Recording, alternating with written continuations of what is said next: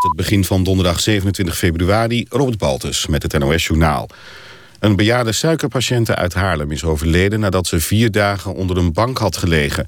De 81-jarige sloeg wel alarm bij de thuiszorg. Een thuiszorger stond bij de vrouw voor de deur, maar kreeg geen antwoord.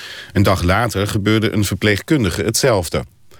De patiënte werd op de vierde dag door de politie bevrijd. Kort daarna overleed ze in het ziekenhuis. De zaak speelde al in december 2012 en kwam vandaag aan de orde bij het Medisch Tuchtcollege. De verschillende partijen geven elkaar de schuld. In april doet het Tuchtcollege uitspraak. Het eten van een pizza heeft het voortvluchtig Nederlandse criminele duo uiteindelijk de das omgedaan. De eigenares van een pizzeria, waar de twee gisteravond nog wat aten, herkende hen vanochtend na het zien van opsporingsberichten en belde de politie. Er waren ook nog andere tips waardoor de twee vanmiddag in een hotel bij Dortmund konden worden opgepakt. Als het meezit kunnen ze binnen een paar dagen in Nederland zijn. Ze worden onder meer verdacht van het plegen van overvallen en gijzeling. De twee mannen die vorig jaar de Britse militair Lee Rigby op straat in Londen met een kapmes en messen hebben vermoord, hebben zware straffen gekregen. De hoofddader kreeg levenslang, de mededader 45 jaar. De mannen zeggen dat ze voor Allah tegen het anti-islamistische Westen strijden. De FBI had in 1993 een spion in de kring van Al-Qaeda-leider Osama Bin Laden. De mol was in de Verenigde Staten de chauffeur van Omar Abdulrahman... ook wel bekend als de blinde sheik... die het brein was achter verschillende terreuraanslagen. Abdulrahman zit nu vast in de Verenigde Staten. Dankzij informatie van de mol zou een grote Al-Qaeda-aanslag in Los Angeles zijn vereideld. De aanslagen van september 2001 konden niet worden voorkomen. Het weer af en toe opklaringen. Het koelt af tot een graad of drie. Overdag wordt het een graad of negen. Morgenochtend trekt er weer een regenzone over... met ochtends nog wat zon in het noordoosten. Dit was het NOS Journaal. Radio 1. VPRO. Nooit meer slapen.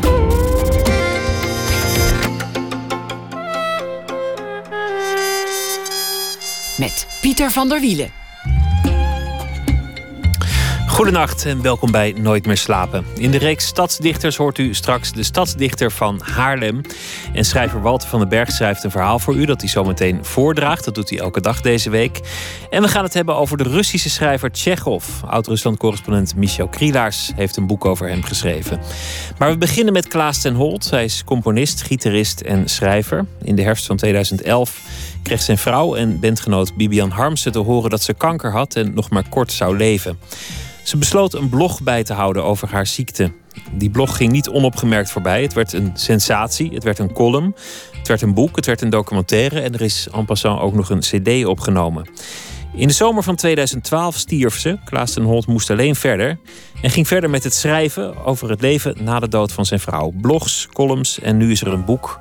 De complete weduwnaar. Welkom. Dankjewel. Um, het moment dat het nog, nog leek dat alles goed was. Jullie, jullie waren samen, jullie uh, hebben drie kinderen, jullie hebben hobby's samen, jullie gaan naar Spanje, jullie houden samen van muziek, uh, zitten samen in een band. En dan komt die, die dag dat eigenlijk alles begint te schuiven, de kwade tijding van de dokter, 4 november 2011. Ja. Is dat een dag die, die je nog levendig kunt herinneren? Ja, ja, natuurlijk wel. Ja, ja ik, ik, zie ons nog helemaal zitten daar. Het was eigenlijk, we hadden. We waren met ons bandje Emma Piel bezig uh, een nieuwe CD voor te bereiden. We hadden een nieuw repertoire geschreven samen. En uh, we hadden al plannen gemaakt om dat op te gaan nemen. En we waren wat concertjes weer gaan doen. Um, en een van die concertjes was heel leuk in Amsterdam, in het uh, Nieuwe de Lamar. En Bibian had wel buikpijn dus de hele tijd. Ook in de kleedkamer. En dat werd steeds een beetje weggelachen. En, maar het was toch niet goed. En uh, we waren al een paar keer bij de huisarts geweest. En ik heb er uiteindelijk op aangedrongen dat er een echo gemaakt moest worden. Want er werd steeds gezegd: ah, dit is niks. Je werkt te hard. Drie kinderen, wat wil je ook? Spastische darm. En ja, ik heb Bibian eigenlijk gedwongen om nog een keer terug te gaan en nog een keer. En uiteindelijk ook op een echo aangedrongen. Die werd gemaakt. En toen belde smiddags om een uur of vijf.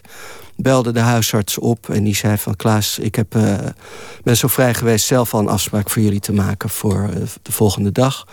voor een, voor een CT-scan, want dit is niet goed. En ik dacht eerst dat hij een grap maakte, of ik, ik begreep het gewoon niet helemaal. Maar nou, en toen zaten we daar op vrijdagmiddag, aan het eind van de middag, voor die CT-scan. Ja, toen was het, het was in één keer, werd alles anders. Was, het was meteen duidelijk ook, die arts, uh, die, die uh, ja, gewoon meteen vertelde dat het was alvleesklierkanker, het was uitgezaaid.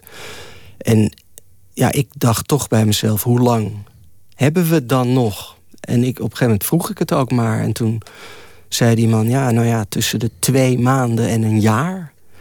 En, dat, en toen zijn we teruggereden naar huis samen.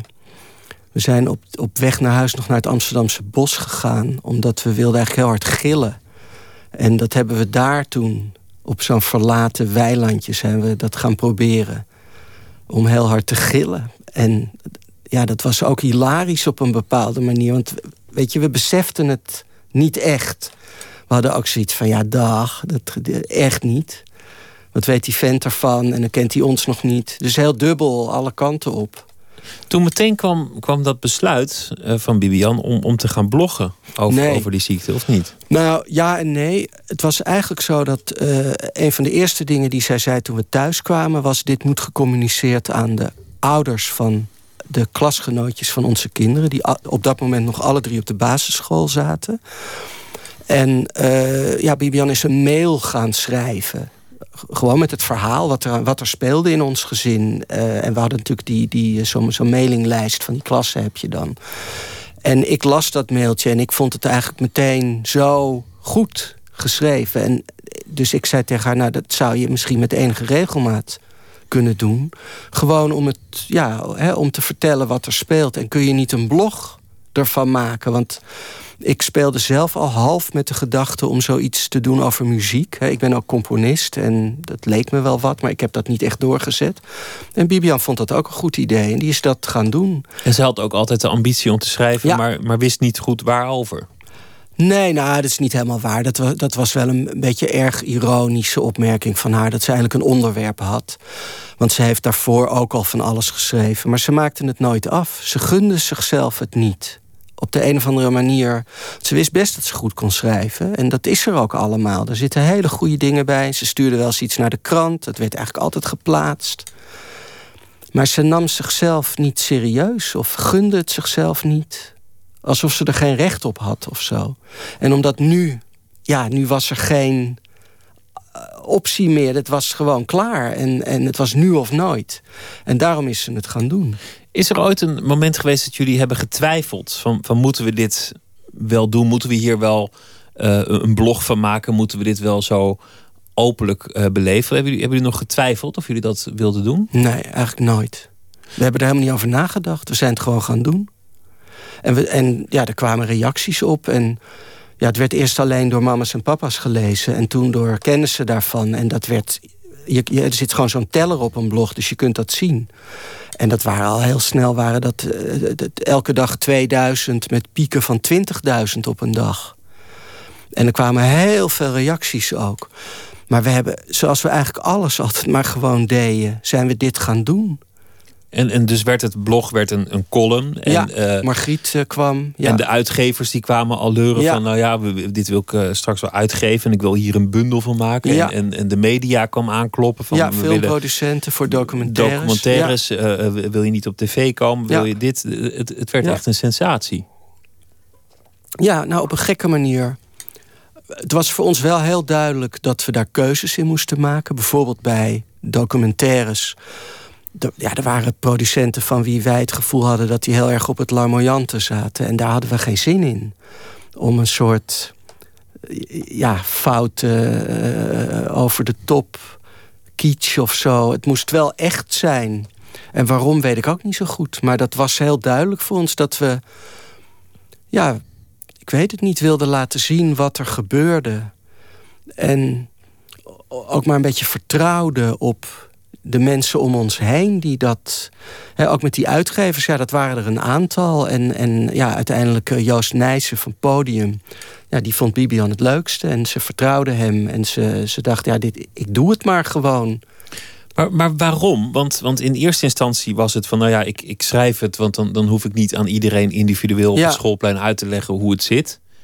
Maar, maar wat, was, wat was daarna de gedachte eigenlijk? Of, of gebeurde het gewoon? Nou, ik denk dat Bibian het eigenlijk ook wel heel leuk vond... dat ze ineens een succesvolle schrijfster was. Ik bedoel, dat was er ook. Ze, ik bedoel, verdorie, ze leefde nog. Ze was er gewoon. En ze, ja, langzamerhand kwam wel het besef dat het, dat het echt mis zou gaan... en dat het eindig was. Maar ze, ze en ik ook, we genoten ook gewoon van de, de mogelijkheden die er ineens waren om allemaal leuke dingen te doen. Want het is namelijk heel leuk als er zes uitgevers op je stoep staan... en heel graag jouw boek. Eh, dat streelt je ego. En natuurlijk speelde dat ook gewoon mee. Eh, alles tegelijk. Het verdriet, maar ook de, ja, de brani misschien wel. En de, ja, Een van de redenen is, eh, dit is heel moeilijk te verklaren waarom iets zo succesvol is. Maar in ieder geval waarom het bijzonder was, is dat, dat heel veel mensen juist niet over hun ziekte praten. Het, het, heeft, het zit toch in de ongemakkelijke sfeer. Mensen beleven dat, dat heel erg binnenskamers. Anderen Ja. durven er niet echt naar te vragen, vinden dat moeilijk. Dat, hier, hier, dit was denk ik ook voor veel mensen bevrijdend om, om het gewoon te, Ja, dat- te lezen van anderen. daar lijkt het op. Ja, ja. Ik, ik weet niet zo goed. We hebben ons nooit geschaamd voor de alvleesklierkanker van Bibian. In, eh, Er lijkt me ook weinig reden ja, toe, natu- toch? ja, nee. Ja. En, en ook niet om daar om dat te vertellen, om daarmee naar, naar buiten te treden. En ja, ik weet niet, Bibian was ook wel, wel iemand die altijd bezig was met Facebook en Twitter. En wat had je toen, Hives en nog andere dingen. Zij vond dat ook leuk. Ze was enorm van, van de nieuwe media. Ze was heel erg handig op de computer. Ze was grafisch ontwerpster. Dus dit paste ook wel een beetje in wat ze toch al deed. Want, want ook op Facebook had zij altijd al verhalen en over koken en over god weet wat allemaal en Spanje. En dat waren ook eigenlijk al soms een beetje stukjes of grappige anekdoteachtige dingen. Dus het, was, het lag ook wel een beetje in de lijn van ja, hoe we waren en wat we deden. Je zei al dat ze, dat ze kon schrijven. Dat- is, dat is onmiskenbaar waar. Eh, Wat ook knap is, is dat ze veel humor had. Ja. Eigenlijk, eigenlijk vanaf het begin met, met, ja, met, een, met een zekere luchtigheid haar, haar lot weet eh, te beschrijven. Ja. En altijd een soort kracht, een soort veerkracht, optimisme. Nou ja, maar ze was ook doodsbang en, en, en ontzettend verdrietig. En het was ook een manier, denk ik, die humor, om het, om het een beetje draaglijk te houden. Eh, alle ellende. Want ja, ze, ze heeft niet echt een leuke jeugd gehad. Eh, ehm, en daar heeft ze zich ook doorheen geslagen met, met grappen en grollen en, en een soort zelfrelativering. En dat was ook een beetje hoe ze was. Het had ook wel een minder leuke kant. Eh, ehm, ik heb soms ook wel eens, eh, nou zeker in het begin toen we net met elkaar waren, heb ik me daar wel doorheen moeten werken. Het, even van kom op, wees nou serieus. Ik, ik ben serieus met jou. Ik hou van je, ik wil je. Dat werd ook een beetje weggelachen. En, en ze geloofden het ook niet. En, en ze dacht dat dan, als ze daar aan toe zou geven... dat ik dan eh, toch wel zou zeggen van... ja, je denkt toch niet dat ik echt van je hou. Dus het, het was ook wel... Het had ook wel een, een, een andere kant. Een, een, er zat ook wel een hoop verdriet achter en onder.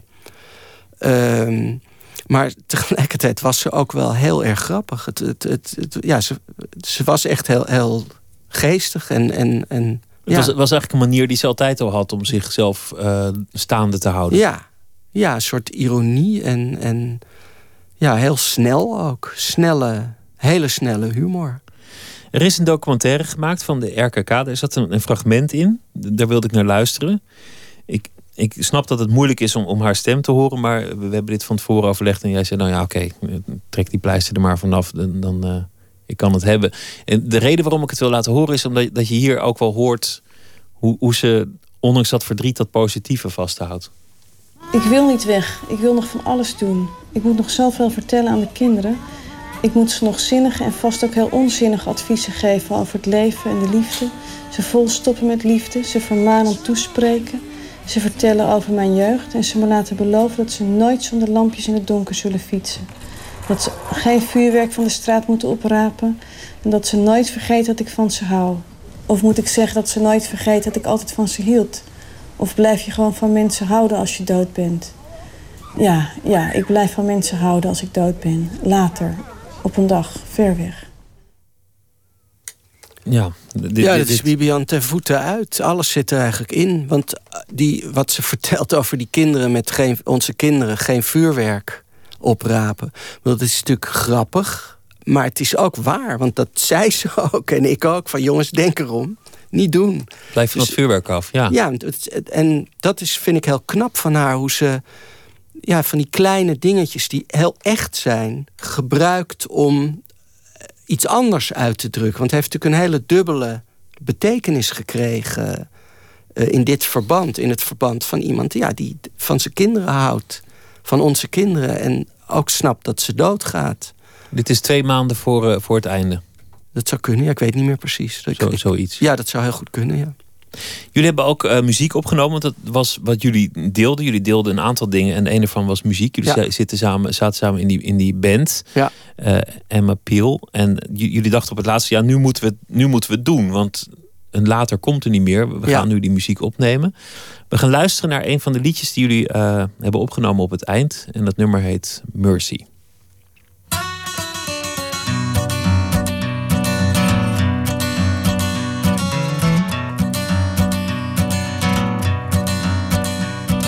Children running in the playground, laughing loud, make me wonder why.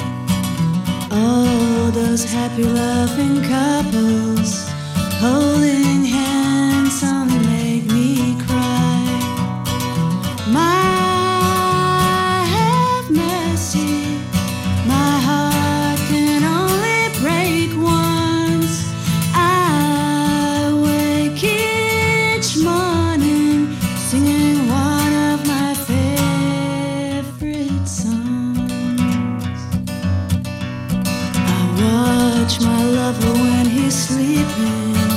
Try to see if I'm still in his heart. Tears fall on my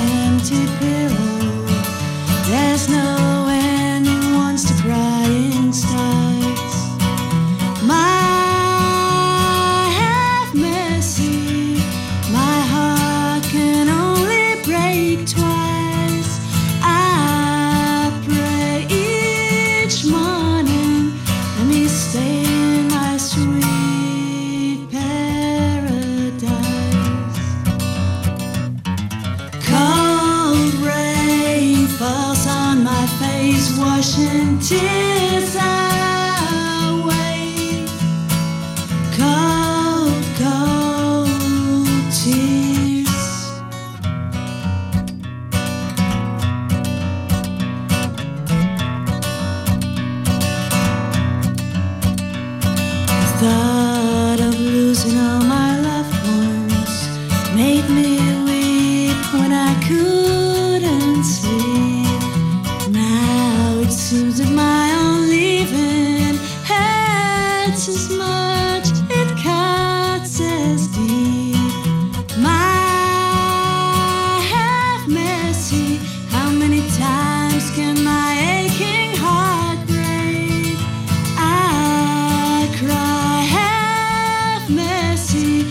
so much more.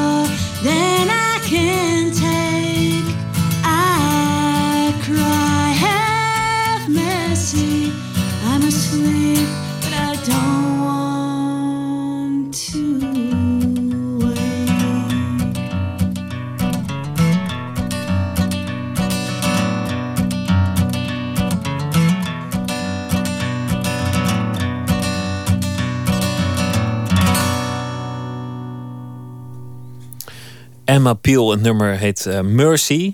Ja, Klaas en Holt. Bent het al om, om, de stem te horen? Nou ja, nee. Het emotioneert me natuurlijk wel. Maar ik hoor Bibian's stem ook veel. Want ik luister graag naar onze liedjes.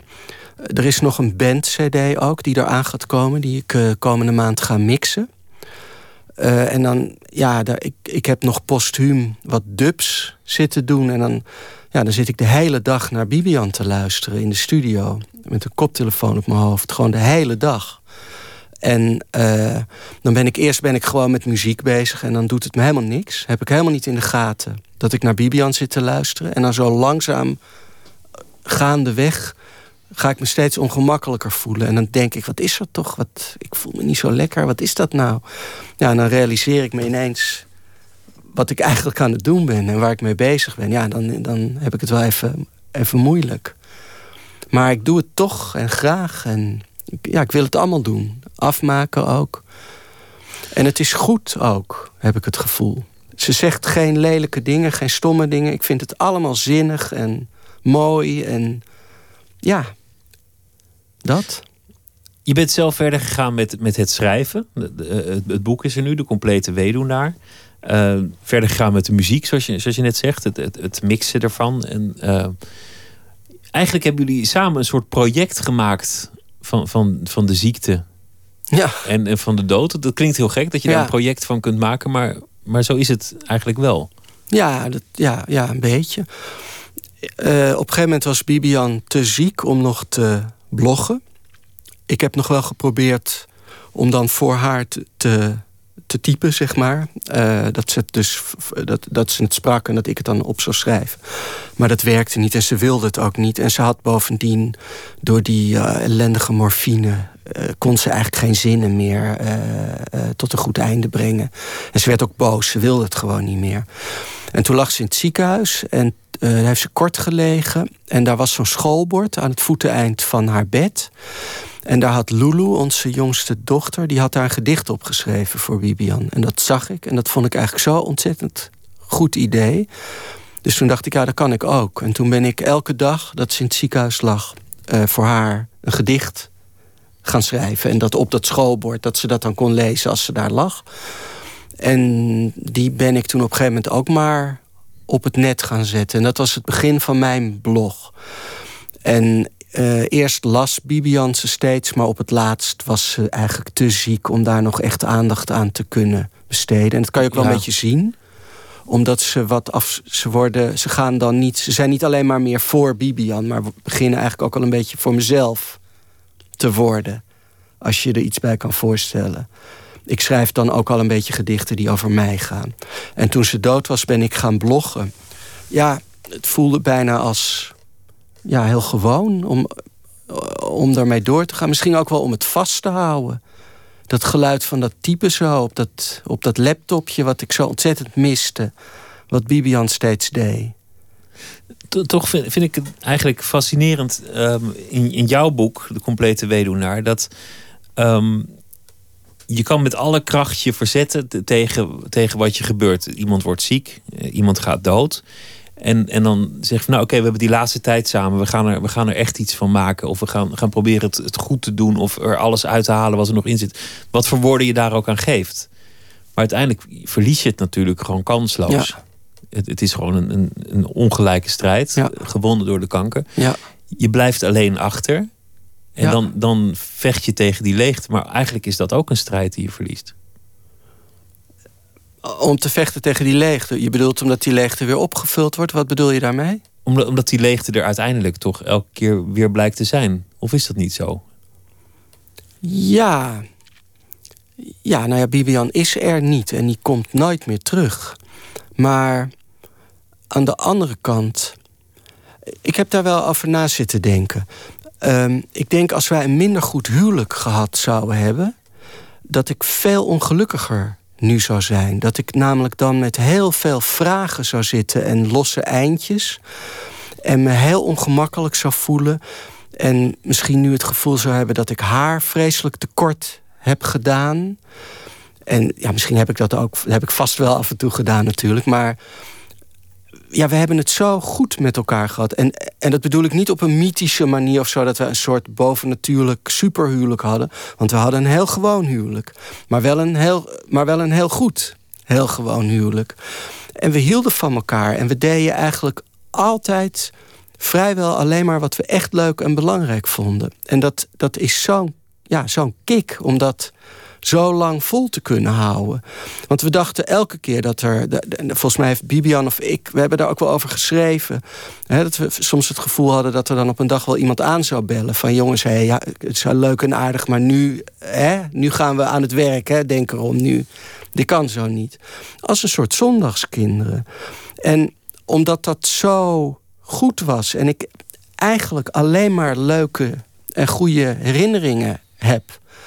ehm, ja, het voelt gewoon goed. En, en daardoor ben ik op een gekke manier misschien ook wel minder verdrietig.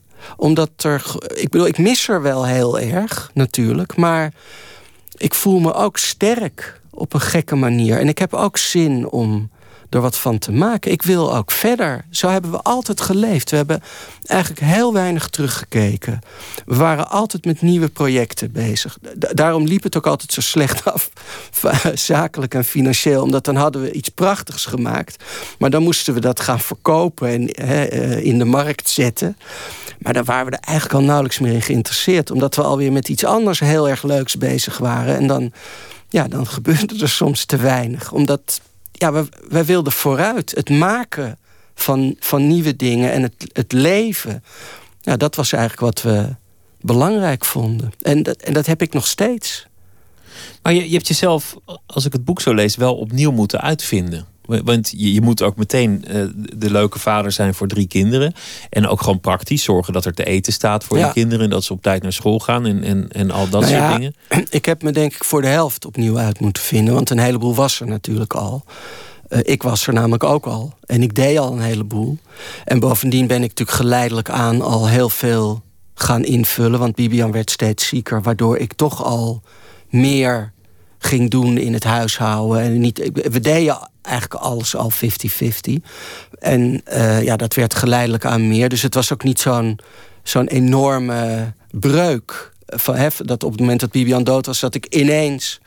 eh, ik heb er ook wel een beetje naartoe kunnen werken. Ja, het klinkt misschien heel banaal en, en praktisch om, om meteen over lunchpakketten te beginnen. Maar Ja. je, je schrijft eigenlijk dat dat de eerste zorg is die zich aan je opdrong. op het moment dat die kwade tijding kwam in, in november 2011. Van Hoe ga ik het financieel redden? Hoe ga ik het financieel Ja, heel banaal. Ja, ik, ik, ik schaam me er eigenlijk voor dat ik daar überhaupt aan durfde te denken. Maar daar dacht ik toch aan van Jezus Christus, hoe gaat dat... eh, ook omdat ik me gewoon heel erg verantwoordelijk voel voor drie kinderen... die ik heel graag alles wil geven. En eh, ja, ik, ik, eh, ik, ik maak muziek en ik componeer. En ja, dat is niet een vetpot of zo. Dus ik, daar dacht ik gewoon wel praktisch van... hoe moet ik straks de huur betalen? En, en, eh, ja, dat is ook niet zo gek, toch? Dat je dat nee, denkt. misschien ook Nee. niet. Nee, nee, nee. Maar, Eigenlijk wel logisch lijkt ja, me. Dat- maar het ja. is ook zo super banaal. Om dan, in plaats van dat ik dacht van... oh mijn god, mevrouw. Je grote nee, liefde, Ja, ja. maar dan ga ik zoiets stoms zitten denken. Ja, maar het was wel zo. Misschien is dat ook wel om- omdat dat nog net te bevatten is en, en dat andere niet. Ja, dat zou kunnen. Ja, ja Bibian zei altijd... ah, joh, maak je niet zo zorgen, komt wel goed. Is dat nu ook jouw houding geworden? Ja, meer. Ja, ik ben niet meer zo bang. Ja, ik weet niet. Ja, ik geloof dat ik niet meer zo bang ben. Het komt wel goed. En het gaat ook wel. Ik red me eigenlijk goed. En het is ook wel wat minder geworden. eh, sommige dingen, maar dat is ook wel best. Dat, Maar ik ben niet meer zo bang in het algemeen. Is dat van nou, mijn grootste angst is uitgekomen? Of, of een van Nou, mijn grote angsten? Nou, ik schaam me niet meer voor mezelf. Ik, ik heb toch wel altijd bij dingen die ik maakte... me heel erg zorgen gemaakt om hoe het over zou komen... en hoe ik over zou komen. En of het wel het goede was. En of ik wel op het goede moment het goede deed. En dat interesseert me echt helemaal niks meer. Ik maak gewoon wat ik maak. En mensen mogen het leuk vinden of niet leuk. Het maakt me niet zoveel uit. Het is ik, ik geloof dat het integer is wat ik doe. Ik probeer gewoon het beste wat ik kan. En als dat niet goed genoeg is, ja, ja nou, dan maar niet. En of dat hip is of opportun, ja, dat weet ik niet. Maar het, het is natuurlijk ook wel heel vroeg. Want, want november 2011 komt het slechte nieuws. In juli, Ja. juli 2012 komt dan de dood. We zitten nu in februari 2014. Dus ja, waar hebben we het over? Zou ik bijna zeggen. In, in de zin van dat het Ja. in tijd natuurlijk nog maar, maar heel vers is allemaal. Ja. ja, maar ik heb ook wel veel gedaan toch in die anderhalf jaar. Ehm, zelf gewoon veel dingen gemaakt. Eh, ik heb een boek geschreven. Ik heb heel veel liedjes geschreven waar ik nu ook eh, in mijn eentje de boer mee opga. En ja, eigenlijk gaat het gewoon nog steeds maar door met nieuwe ideeën, nieuwe, nieuwe projecten, nieuwe plannen. Ik heb heel veel nieuwe mensen ontmoet. Er is ook wel heel veel aan de hand. Altijd. En tegelijkertijd ben ik natuurlijk heel veel aan het nadenken. Dat boek schrijven uh, heeft daar natuurlijk ook een, een grote rol in gespeeld. Omdat als je schrijft, dan moet je formuleren. En, en, en, en, en om te goed te formuleren moet je helder nadenken over, wat je eigenlijk wilt zeggen en wat je, wat je intenties zijn. En ik denk dat dat me ook wel geholpen heeft bij rouw, bij rouwen. En het is natuurlijk een therapeutisch element aan dat boek. Maar ik zeg dat het, dat het vers is omdat het natuurlijk in fases gaat. Althans, dat, dat, zegt, dat zegt niet ik, dat zeggen altijd de therapeuten. Hè? Van je hebt eerst de ontkennende ja, fase. Ik, het, ik heb het allemaal gehoord, ja. De, de boze fase Ja. en dan de, de, de verdrietige fase. Maar, maar er is ook, ook zeker een, een onrustige fase waarin je gewoon nog niet stil kan zitten. Ja, nou misschien zit ik daarin. Maar ik vraag het me niet zo heel erg af. Het, het, ik merk wel dat het verdriet eh, onverwachts komt. Ehm, ja, ik anticipeer er ook niet op. Het komt gewoon. En dan ben ik echt eh, ja, devastated ineens. En vaak duurt het even voor ik snap. Dat, oh ja, oh ja, dat is natuurlijk. En dan, dan, ja, het is een fysieke pijn die dan op komt zetten. En ik, ja, op een gekke manier is het niet eens onprettig, want ik wil die pijn ook wel. En Bibian verdient het ook. Eh, dus ik, ja, dat laat ik dan over me heen komen. En dan, dan, en dan ja, gaat het toch weer voorbij. En dan krijg ik er weer zin in. Ja, Hoe, hoe, hoe praat je daarover met je kinderen? Want voor, Ja. voor kinderen is dat natuurlijk ehm, moeilijker te begrijpen, de dood. Omdat dat jeugd en dood nou eenmaal een soort tegengestelde eh, ja. grootheden zijn. Maar, maar je bent natuurlijk zelf jong je, eh, mijn ouders verloren. je ouders verloren, Ja, allebei. Dus, dus je hebt ook in, in zekere zin de ervaring van hoe het is om als kind ja. ouders te verliezen. Ja, ja, nou, natuurlijk praat ik er met ze over. En we gaan ook wel samen naar Bibians graf. En we hebben het er gewoon over. Ik, ik merk dat ze nu minder zin erin hebben. Eh, ik, ik probeer ook het een beetje van hun, te laten, van hun uit te laten komen. Ik, ik ga dat niet forceren, zo van... God, eh, mis je mama erg? Of nou, hoe voelt dat nu? Of zo. Ik denk dat dat niet goed is. En zij zijn ook met hun eigen levens bezig. Die, die, die, eh, die jongens zitten in de eerste klas van de middelbare school. En dat is al een totale een soort cultuurshock. Ja, daar komt er ook al Ja. wat op je af natuurlijk. Ja. Die zijn met totaal andere dingen bezig. Met, met, met, met hun eigen dingen. Maar soms zeggen mensen van ja, ik voel dat iemand er nog is, bijvoorbeeld. Dat, Ja. dat, dat, dat is iets, iets wat, je, wat je wel eens hoort. Of mensen denken, ik geloof dat hij nog ergens is. Of, of, eh, of ik denk dat we elkaar ooit weer zien. Zeg maar allemaal in, in die metafysische Ja, hoek een soort troost zoeken. ja.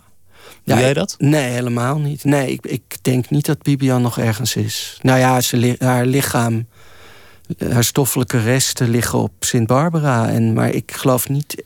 Ze heeft geen contact met me gezocht.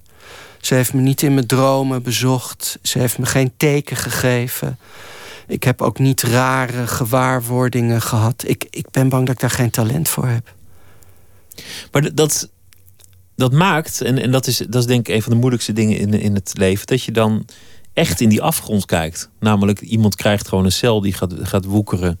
Ja, Zonder een reden. Ja. Zonder een, een, een soort echt. verklaring of een rechtvaardigheid. En iemand is ineens weg. En Ja. ook gewoon weg. ja. ja, ik denk dat het echt zo is. En dat is ook dat is vreselijk natuurlijk. Het zou heel mooi zijn als we straks daar bij Gods troon elkaar weer zouden vinden en dan. Maar ik denk dat het ook vreselijk zou zijn. En misschien ook wel heel veel uit te leggen dan. En, en, want het leven gaat door. Ja, ik denk het leven is voor de levende en ze is er niet meer. En ja, Maar le- leef je anders eh, en kun je leven in het, in het besef van die, van die sterfelijkheid? Als je zeg maar in dat zwarte gat hebt gekeken, kun je dan ook. Ga je dan ook anders leven omdat je ineens meer beseft dat die afgrond daar is? Nee, ik geloof het niet. Ik geloof het niet. Nou, ik heb het natuurlijk al eerder meegemaakt. Ik heb eh, eerst mijn moeder en daarna mijn vader... en daarna nog een zusje van mijn vader. En een vriendje van mij eh, is, is heel jong gestorven. En, en ja, ik heb me nooit veel illusies gemaakt over mijn eigen sterfelijkheid. Die is er gewoon. En ik ben er ook niet zo bang voor, geloof ik. Het is gewoon wat het is. Ja, ja, ja, dat ja is ik kan er zo. niet meer, echt niet. Ik kan er niet meer van maken. Ik geloof echt niet in God. En ik geloof ook echt niet dat Bibian nog. Dit was het gewoon. Ik, hier zal ik het mee moeten doen. En ik heb echt heel veel. eh, ja, dat klinkt dan heel raar als ik zeg gekregen, want dat zou je dan weer religieus kunnen interpreteren. Maar ik bedoel, ik heb het zo goed met haar gehad, die, die, die 17 jaar dat we samen waren. En ja, dat is het. Ik zei al dat, dat muziek iets was wat jullie deelden. Ehm, in jouw boek, maar ook in haar boek, eh Paniekspinnen, komen de Beatles allebei langs. Ja. Dus ik, ik zei toen jij binnenkwam van nou, dan, dan draaien we Blackbird. Zei je, oh nee, niet, niet Blackbird, alsjeblieft niet dat liedje. nou ja, dus ik, toen hebben we, we hebben, nou ja, wat, wat discussie gehad, laat ik het zo noemen. Ja. Dus we, we draaien gewoon lekker een ander liedje. Ja. Maak het uit. Dear Prudence.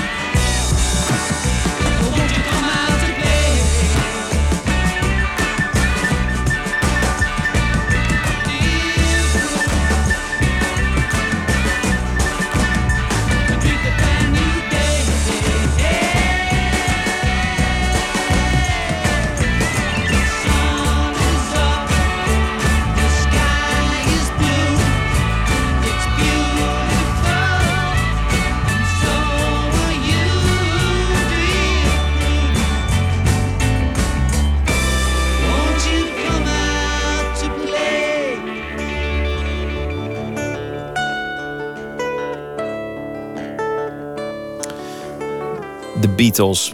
Jullie waren allebei eh, gek van de Beatles, maar ja, van heel veel muziek. Ge- Gek van Spanje, gek van eten. Waar haal je nu troost uit eigenlijk? Is, is muziek, want je- bent componist, is, is er bepaalde muziek die jij nu ineens bent gaan waarderen, nu je in, in die eh, fase zit? Nou, ik had wel op het moment dat Bibian ziek werd, merkte ik dat ik helemaal geen behoefte meer had aan de moderne gecomponeerde muziek. Waar ik eigenlijk mijn brood jarenlang mee verdiend heb. eh, eh, om zelf te schrijven en om naar te luisteren. Het was me te cerebraal en te. Ja, ik weet het niet. Dat, dat wilde ik niet horen op dat moment. En eh, ik had wel zin in Johnny Cash. En Gillian Wells, ik weet niet of je dat wat zegt. Ja, ja. Liedjes, popliedjes eh, met, met een simpele boodschap over de grote thema's. Op de een of andere manier ja, had ik daar wel behoefte aan. En, en dat heeft me ook wel aan het denken gezet. Wat dan de waarde was van die muziek die ik al die tijd zo gepassioneerd heb geschreven. Omdat ik er nu achter kwam dat ik eigenlijk iets anders ineens, nu er zo, zoiets dramatisch gebeurde, veel, veel belangrijker vond.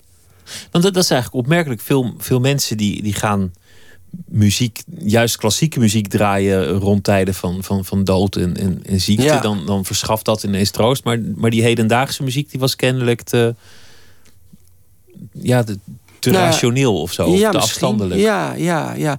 Waar- waarmee ik niet. Ik, ik wil helemaal niet zeggen dat moderne gecomponeerde muziek dus niet deugt, of fout is, of, of stom is, of lelijk is.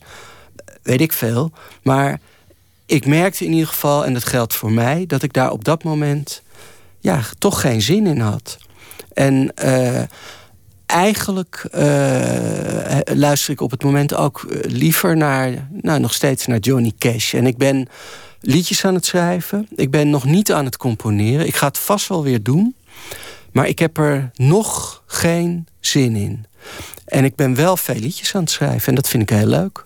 Maar dat, dat is wel opmerkelijk. Want, want als er dan zeg maar een, een nieuw stuk van, van, eh, van jou zou komen, hè, dan een première, de, de nieuwe, weet ik veel, eh, nieuwe strijkkwartet van Klaas ten Holt eh, gaat in première. Dan wordt dat iets heel anders waarschijnlijk als jij gemerkt hebt in, in het moment dat het erop aankwam in je leven, dat die muziek je ineens niet meer zo heel erg. Ik heb geen idee, maar het. was het toch wel geworden. Want eh, ja, er is altijd progressie. Ik, ik, ik, het is niet zo dat ik eh, één soort van muziek mijn hele leven maak. Dus die progressie is er toch wel. Maar het zal vast wel, als ik, als ik dat weer ga doen, zal het vast wel weer anders worden. Ja, maar nou ja, dat heeft weinig zin om daarop. Ja, weet Op ik te veel. anticiperen, Nee, dat- dat nee, komt wel. nee. Ja, dat Ja. komt wel. Ja. Heb je al de rust om, om eh, met muziek zelf echt bezig te zijn in die zin? Want het vergt natuurlijk ook een soort afstand om, om creatief bezig te zijn met muziek. Ja, nou, toevallig heb ik drie dagen geleden werd ik opgebeld door een Belgisch kamerorkest of ik een stuk voor ze wil schrijven. En ik heb gewoon maar ja gezegd. Dus nu moet ik wel. Maar ik heb nog geen idee wat ik voor ze ga maken. Daar moet ik heel goed over na gaan denken. Maar ik ga het dus wel doen. Je, bent ook een, een soort muziekencyclopedie. Iemand die, die er veel van weet, zowel van popmuziek Nou. als klassieke muziek. Is te veel eer? Nee, dat mag ik best zeggen. Nou, ik ben een liefhebber in ieder geval. Ik vind het liefhebber leuk. en, Ja. en, en op de hoogte. Er zijn Ja. natuurlijk ontzettend veel artiesten geweest die van hun rouw een, een, een project hebben gemaakt. Ja. Ja. Ja, dat is waar. Ehm, dat kan op heel veel verschillende manieren. Eh, als je het dan over mijn boek bijvoorbeeld hebt, dan denk ik en hoop ik dat mijn boek wel meer is dan dat. Want ik heb altijd het gevoel gehad dat je als je iets doet, dat dat consequenties heeft. Dat je nooit iets zomaar doet. Zo heb ik ook geen hobby's. Dat ik, daar, kan ik niks mee.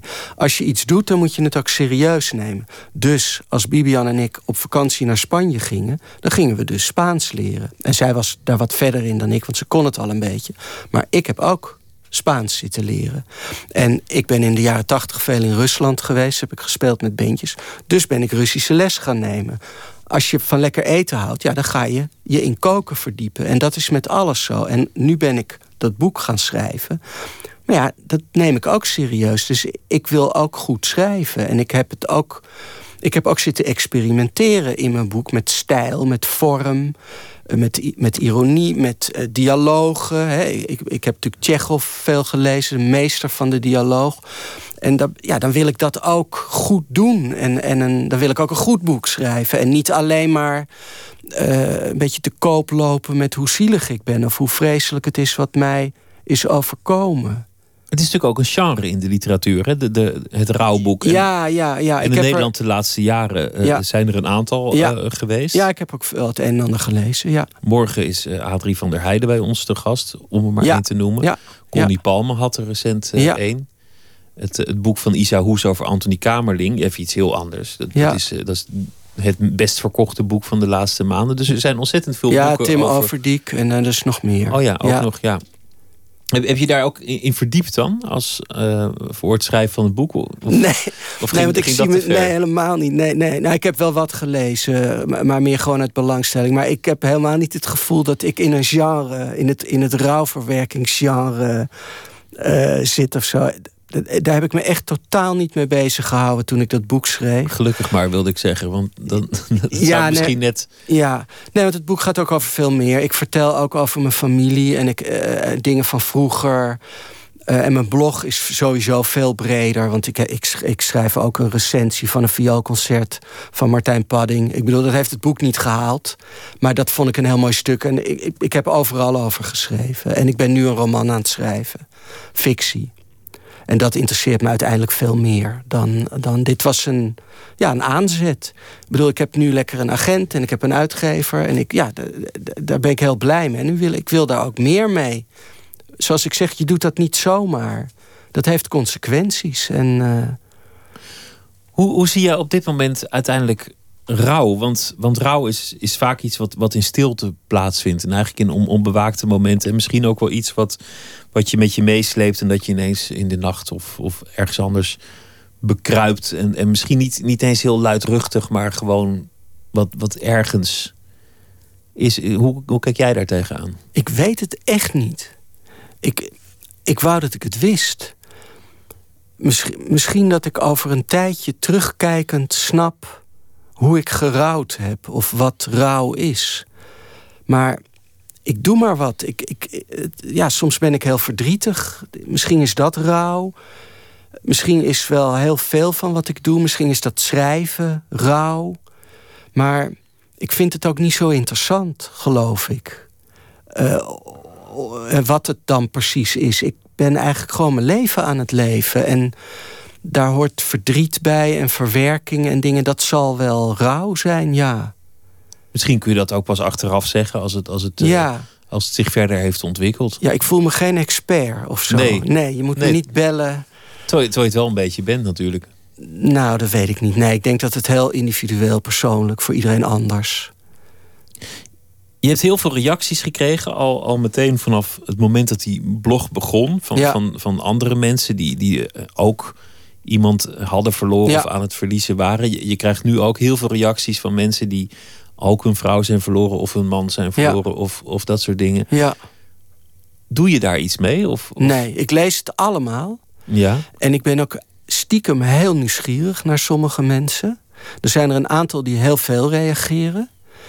En die ook onderling een soort verbond hebben gesloten. Die dus ook op elkaar reageren en elkaar soms moeten inspreken. En ik lees het echt allemaal. Maar ik heb nooit geantwoord. Eh, dat doe ik principieel niet. Bibian heeft het één keer gedaan en dat heeft tot hele onverkwikkelijke, bijna stalkingachtige situatie geleid. En ehm, eh, ik meen, de uitgever heeft ook wel eens verteld dat schrijvers meer dan gemiddeld last hebben van stalkers. En eh, eh, daarna, Bibian is ook gestopt, heeft het nooit meer gedaan, gereageerd. En ik heb ook ik heb nooit gereageerd.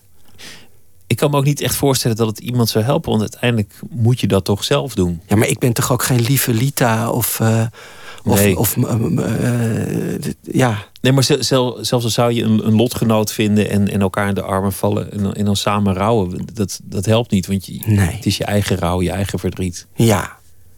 Ja, dat denk ik ook, ja. Maar ik ben wel, ik stiekem, ik lees het wel en ik. Sommige mensen hebben zo vaak gereageerd dat ik ook wel zoiets heb van Jezus, wie zijn dat dan? Of zo. Dan krijg ik daar een soort voorstelling ook wel een beetje stiekem van hoe die er dan uit zouden zien en hoe hun huis er misschien uit zou zien. Je blog, hè? Je je zei eerst ik ga honderd stukken schrijven. Toen op een gegeven moment zei je, nou weet je wat, ik maak er duizend en één. Ja, ja, Sherazade, ja, ja. En, maar het, het, het geestige is dat als je een blog schrijft eh, na- naar aanleiding van je ziekte, dan, dan is dat een.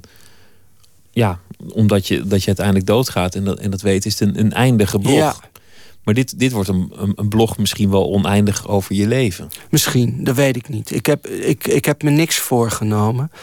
Ik heb nu een tijdje niet geschreven. Ik ga wel weer wat schrijven, denk ik.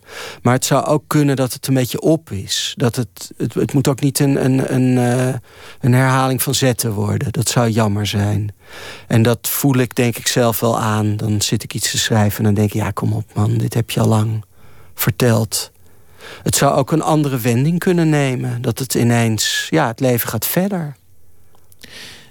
Ik wilde afsluiten met, eh, met de muziek die jullie samen hebben eh, opgenomen. Het, eh, het nummer heet Bye Bye. Wil je, wil je daar nog iets over zeggen, over dat nummer? Is dit de bandversie of, of met z'n tweeën?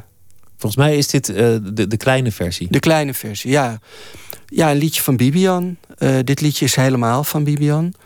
En het gaat eh, ehm, eigenlijk helemaal niet over ons of afscheid van het leven, maar over een bevriend stel wat na 30 jaar uit elkaar ging. En het is eigenlijk voor haar eh, geschreven. Maar het, eh, het zou ook heel goed op ons kunnen slaan. Het raakt me in ieder geval wel heel erg als zij Bye Bye zingt. Hoewel ik weet waar het over gaat. Dank dat je te gast wilde zijn. Klaas ten Holt, ik noem ook nog de titel van het boek, De Complete Weduwnaar. En we gaan nu luisteren naar eh, Bibian met Bye Bye. Dankjewel. Dankjewel.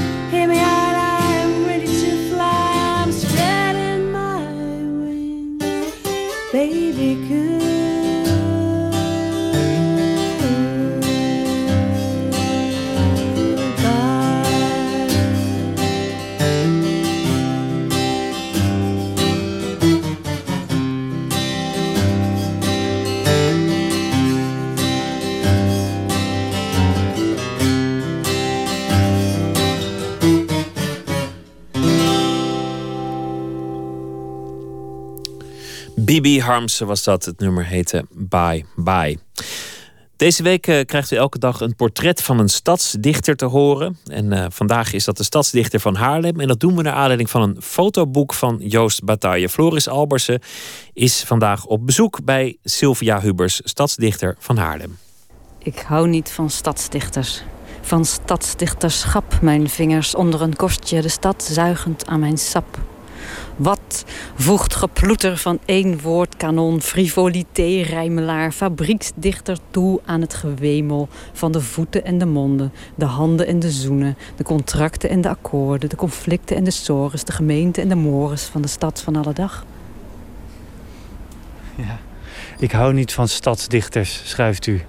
Maar dat is niet waar natuurlijk. nee. Want u, u bent vier jaar stadsdichter van, van Haarlem geweest. En volgens mij met heel veel plezier, of niet? Eh, maar het is altijd dubbel. Want het is ook een enorme last eh, die de hele tijd op mijn schouders heeft gelegen. En die ook als een, als een heerlijke eh, opluchting voelde toen ik het eenmaal niet meer was. Maar ik hou wel van stadsdichters. Ik ben trouw ieder jaar naar de Landelijke Stadsdichtersdag van Lelystad geweest. En ik had het daar best naar mijn zin. Ja, want daar komen alle stadsdichters één keer in het jaar samen, hè, in Lelystad. U heeft eh, in Haarlem eh, veel gezeten in... Ja, wat, wat vond u leuk aan het, aan het stadsdichterschap? Wa- Wat ik heel grappig vond in het begin, dat ik dan een onderwerp krijg waar ik eh, helemaal, waar, waar ik niet uit mezelf op zou komen en ook niet meteen iets mee heb.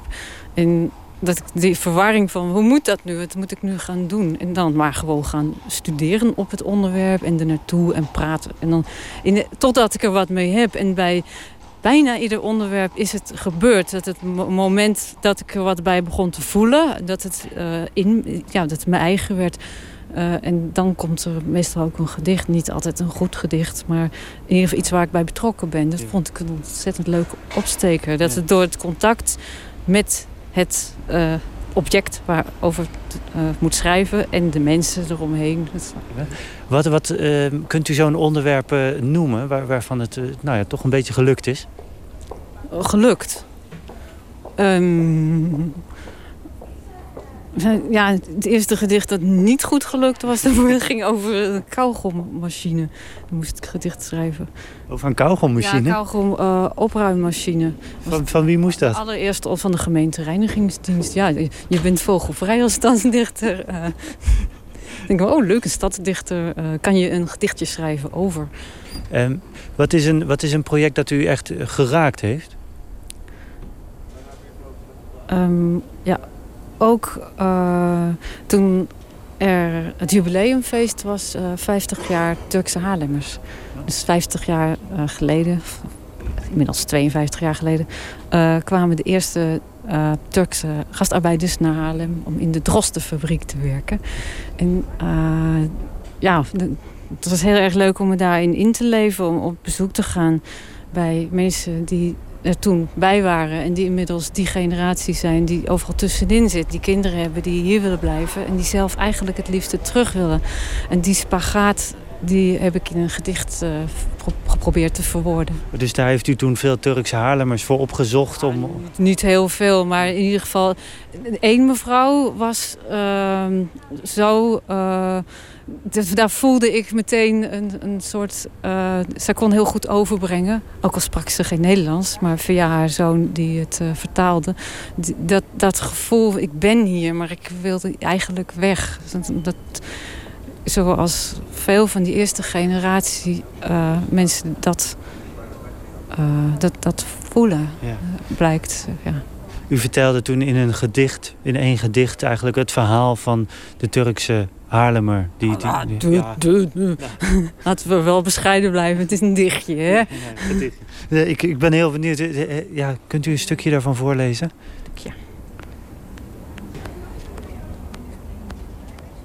De eerste generatie.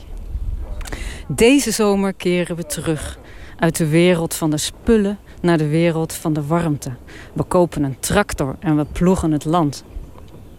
Volgende zomer keren we terug. Als we een auto hebben, we werken nog even door, zeggen we in het Turks tegen de kleine Mustafa en de kleine Neslihan. We keren terug op een dag als we een huis kunnen bouwen van zeven verdiepingen. Als we drie auto's hebben. Als er een Turkse tortel danst op onze hand. We komen nooit meer thuis. Onze kinderen zijn hier geboren. Zij zijn hier gaan horen. En wij werken bij Drosten. Zijn gestrand tussen twee landen. Spreken vaak de woorden, mooie woorden. Ooit en als. Al dus Sylvia Hubers, de stadsdichter van Haarlem. Straks zijn we terug met het tweede uur van Nooit meer slapen. Daarin hoort u een verhaal van Walter van den Berg... dat hij speciaal voor ons geschreven heeft, onder andere. U kunt ons mailen nooit meer slapen, vpro.nl... of op Twitter, vpro-nms. Graag tot zometeen.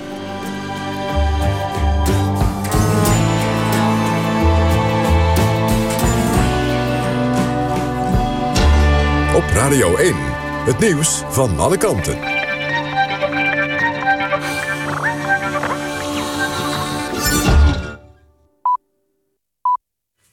1 uur op het Baltus met het NOS-journaal. Een bejaarde suikerpatiënt uit Haarlem is overleden... nadat ze vier dagen onder een bank had gelegen. De 81-jarige sloeg wel alarm bij de thuiszorg. Een thuiszorger stond bij de vrouw aan de deur, maar kreeg geen antwoord. Een dag later gebeurde een verpleegkundige hetzelfde. De patiënte werd op de vierde dag door de politie bevrijd. Kort daarna overleed ze in het ziekenhuis. De zaak speelde al in december 2012 en kwam vandaag aan de orde bij het Medisch Tuchtcollege. De verschillende partijen geven elkaar de schuld. In april doet het tuchtcollege uitspraak. Er loopt ook nog een strafrechtelijke procedure.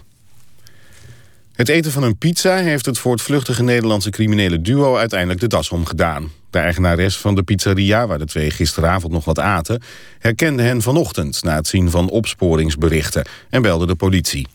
Er waren ook nog wat andere tips, waardoor de twee vanmiddag in een hotel bij Dortmund konden worden opgepakt. Als het meezit kunnen ze binnen een paar dagen in Nederland zijn. Ze worden onder meer verdacht van het plegen van overvallen en gijzeling. De twee mannen die vorig jaar in de, de Britse militair Lee Rigby op straat in Londen met kapmessen en een mes hebben vermoord, hebben zware straffen gekregen. De hoofddader kreeg levenslang, de mededader 45 jaar. De mannen zeggen dat ze voor Allah tegen het anti-islamistische Westen strijden.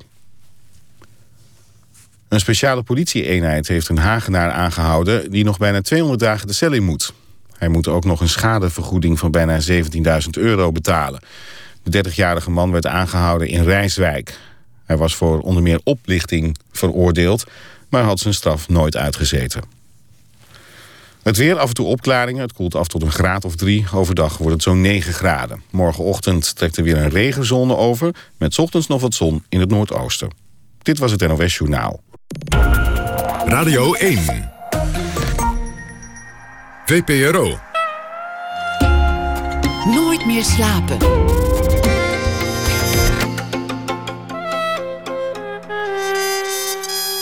Met Pieter van der Wielen.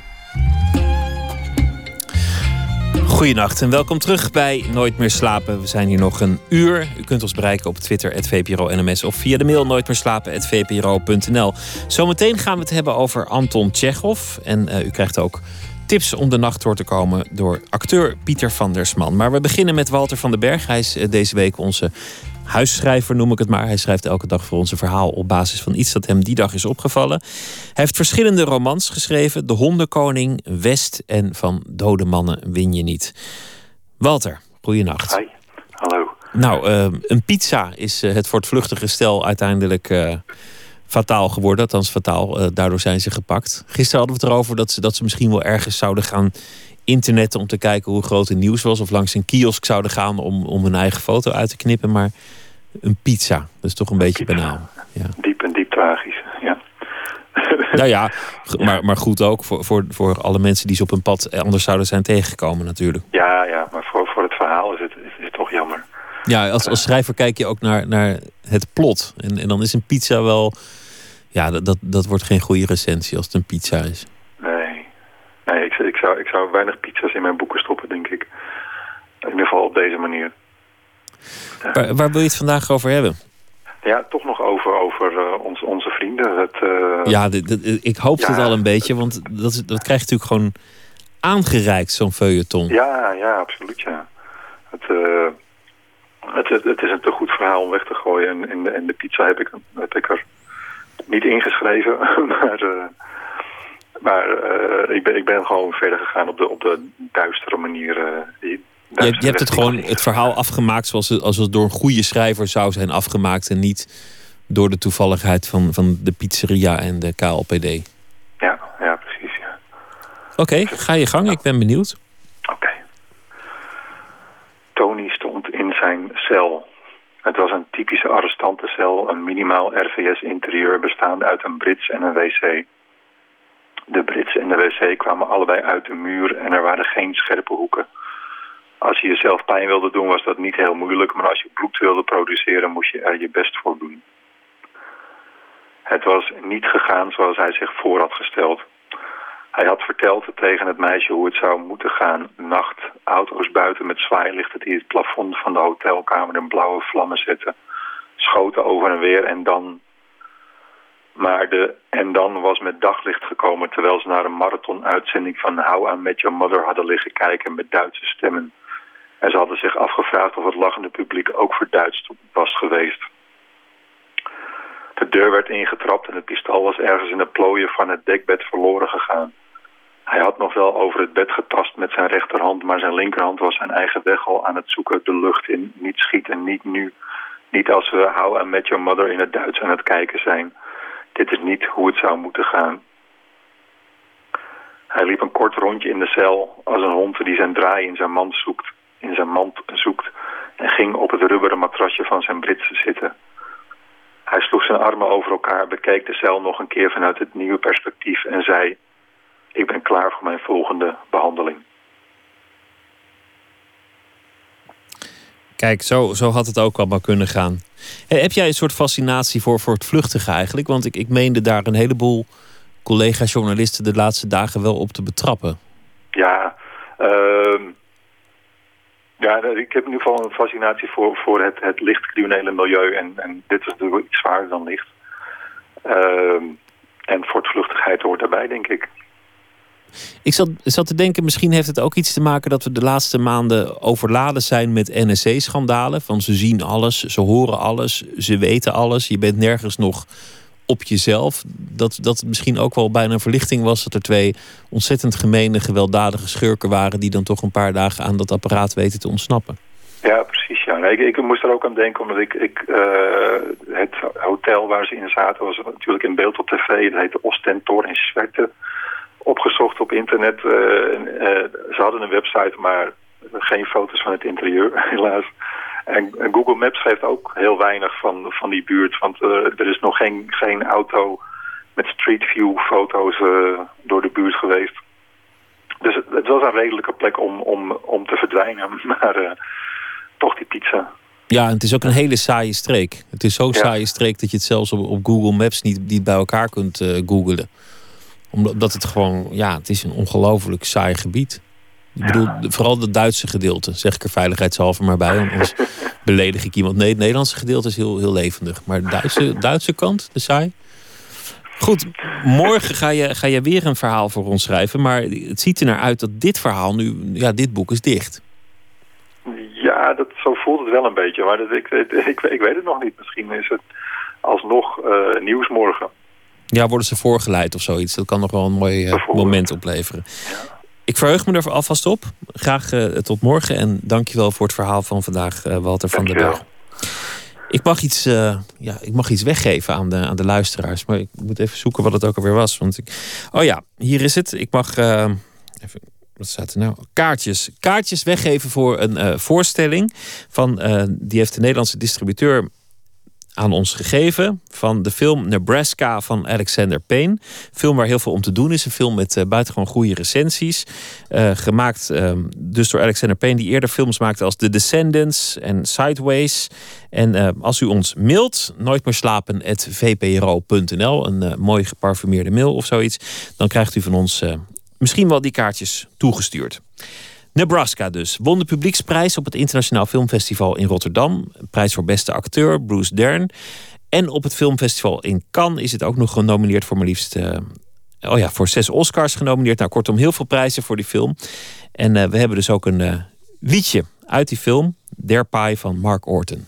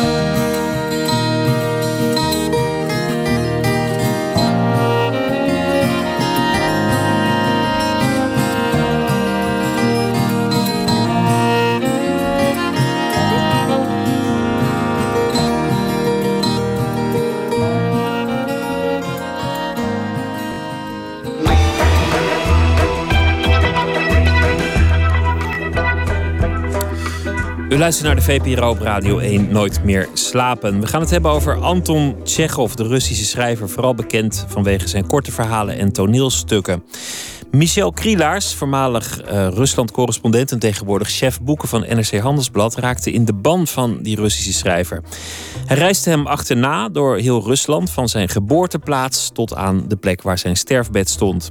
Het resultaat van die tocht is te lezen in het boek Het Brilletje van Tsjechov. Onze verslaggever Maarten Westerveen zocht Michel Krielaars thuis op.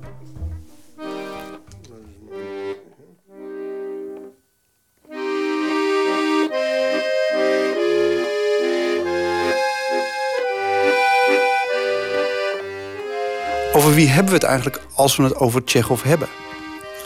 We hebben het over een, uh, voor die tijd uh, een literair wonder. Want je kunt zeggen, het is een man die uit een heel eenvoudig milieu kwam. Zijn vader was de zoon van een lijfeigene die zich had vrijgekocht. Dus die vader is ook opgegroeid als zoon van een lijfeigene. Was zelf dus ook lijfeigene. Hij leed aan een ziekte waar heel veel Russen aan lijden. Hij, kwam er niet uh, van de grond hij kreeg maar dingen niet tot stand. En dat was een eenvoudige reden dat hij ontzettend veel van drinken hield en van gezelligheid. Dus in die winkel was hij de hele tijd aan het oude hoeren met allerlei klanten die binnenkwamen. Maar een stuk zeep verkopen, het een handel in koloniaalwaren. En uh, uh, ja, goede zaken deed hij niet. Dus hij ging om de haverklap failliet. Maar hij wilde wel dat zijn kinderen verder kwamen. Dus heeft, er zijn vijf kinderen, die zijn allemaal naar het gymnasium gestuurd. En die hebben allemaal doorgeleerd. Tsjechov had een broer, die ging naar de kunstacademie. Die was een niet onverdienstelijk schilder en illustrator. Hij had een broer, die studeerde wiskunde, geloof ik. Die werkte bij de douane in Petersburg. En zelf studeerde die medicijnen. Om dokter te worden, toch een beroep met aanzien in die tijd. Dus hij is echt iemand die uit een heel laag sociaal milieu is opgeklommen. Hij had een uniek waarnemingsvermogen, want hij, verkeerde natuurlijk in kringen van gewone mensen. En de grote Russische schrijvers waren voor het overgrote deel uh, edelen. Turgenev, Tolstoy, schatrijk van geboorte, verkeerde alleen maar in hogere kringen, zagen alleen maar prinsessen, uh, gravinnen, graven, generaals, noem maar op. En Tsjechov schreef over de kleine man. En het grappige is dat we eigenlijk heel weinig van hem uh, van hem afweten. We weten wanneer hij is geboren, wanneer hij is overleden. We weten wat hij heeft geschreven. Maar wat hij nou werkelijk dacht en voelde... daar weten we eigenlijk heel weinig van. Het was, je hoort altijd van vrienden die zeiden van... op de laatste jaren van zijn leven... kon hij alleen maar in een soort anekdotes praten... in een soort zinnetjes die hij al klaar had voor een verhaal... of die hij aan het oefenen was. Pakte het een beetje uit. En het op zijn jonge leeftijd uh, kreeg hij TBC. was natuurlijk volksziekte nummer één. En je ziet eigenlijk een man waarvan je denkt... ja, goed, hij is 60, 70. Nee, hij is gewoon 44 geworden. En aan zware TBC is hij overleden. En dat is een prachtig verhaal van Tolstoy... die natuurlijk veel ouder is geworden, dik in de 80. En die zocht hem dan op in een Moskou ziekenhuis... en die begon dan een gesprek over de dood. Want Tolstoy was bang voor de dood. En Tsjechov kon het allemaal niet zoveel schelen, althans kon hem natuurlijk wel schelen. Hij was als arts, keek hij er heel nuchter tegenaan. En zei, als einde daar is, dan is het daar. Er wordt dan ook altijd verteld van hoe zijn laatste dagen waren. En dan lag hij op zijn bed en toen kreeg hij die grote aanval. Toen kwam er een Duitse dokter bij hem langs. En die constateerde dat het stervend uur was aangebroken. En dan openen artsen altijd onder elkaar een fles champagne. Dus Tsjechov is het laatste wat hij heeft gedaan... een fles champagne drinken. En zei, ik sterben. En ging op zijn zij liggen en weg was hij. Dat is toch altijd een erg ontroerend moment. Dus ik heb aan het bed gestaan in Badenweiler. En uh, daar begon het idee bij me op te komen... om ooit eens zo'n boek te maken. Om naar de plaatsen van zo'n schrijver toe te gaan. En hij is een van mijn lievelingsschrijvers. Misschien wel mijn lievelingsschrijver uit de hele Russische literatuur. En dan gewoon verder te kijken. Hoe is hij door Rusland gereisd? Hoe keek hij door Rusland aan? Tegen Rusland aan? En uh, hoe zat dat leven in elkaar van zo'n man in die tijd? Voordat we naar Tsjechov gaan, um, waar komt jouw eigen fascinatie en mogen we zeggen liefde voor Rusland eigenlijk vandaan? Ik uh, keek als kind naar de televisie, zoals veel mensen tegenwoordig ook doen. En er werd een film uitgezonden en die heette De Dame met het Hondje. Dat was een Russische film. Een film uit de jaren 60 en ik zag hem in de jaren, begin jaren 70 en die film was zwart-wit. En alles wat die film me liet zien en liet horen... Was, was, van een totaal andere planeet. Het was eerst een hele melancholieke, sentimentele muziek. En er was een soort 19e-eeuwse wereld. Het was de dame met het hondje. Het verhaal kennen velen wel. Een, verhaal over overspel. Jong meisje getrouwd. Wordt verliefd op een verveelde bankier. Ook getrouwd. Krijgt een affaire. Wordt uitzichtloos. Ze maken er een end om. Uiteindelijk blijft, blijft hij er achterna lopen... en het eindigt in the middle of nowhere in een groot ongeluk. Want ze gaan maar door en ze weten niet hoe ze uit die situatie moeten komen. En ik zag die film en vanaf dat moment ben ik Tsjechov gaan lezen. Ik was twaalf. En uh, vanaf dat moment ben ik al die Russische klassieken gaan, uh, gaan lezen. Ik ben Russische geschiedenis gaan studeren. Uh, ik had daar een, op de universiteit een hoogleraar, Jan Willem Bezemer... die altijd zei, als je Rusland wilt begrijpen... dan moet je de Russische literatuur lezen. En nou ja, zoals je hier ziet in de kast staan hier een paar duizend Russische romans.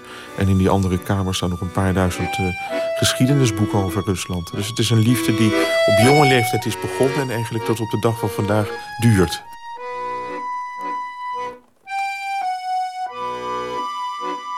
Was dan de melancholie die jou zo aantrok in dat geheel? Ja, het is een combinatie.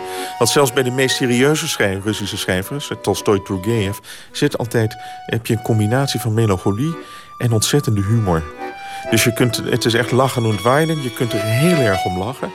En tegelijkertijd is het van een troosteloosheid en een uitzichtloosheid.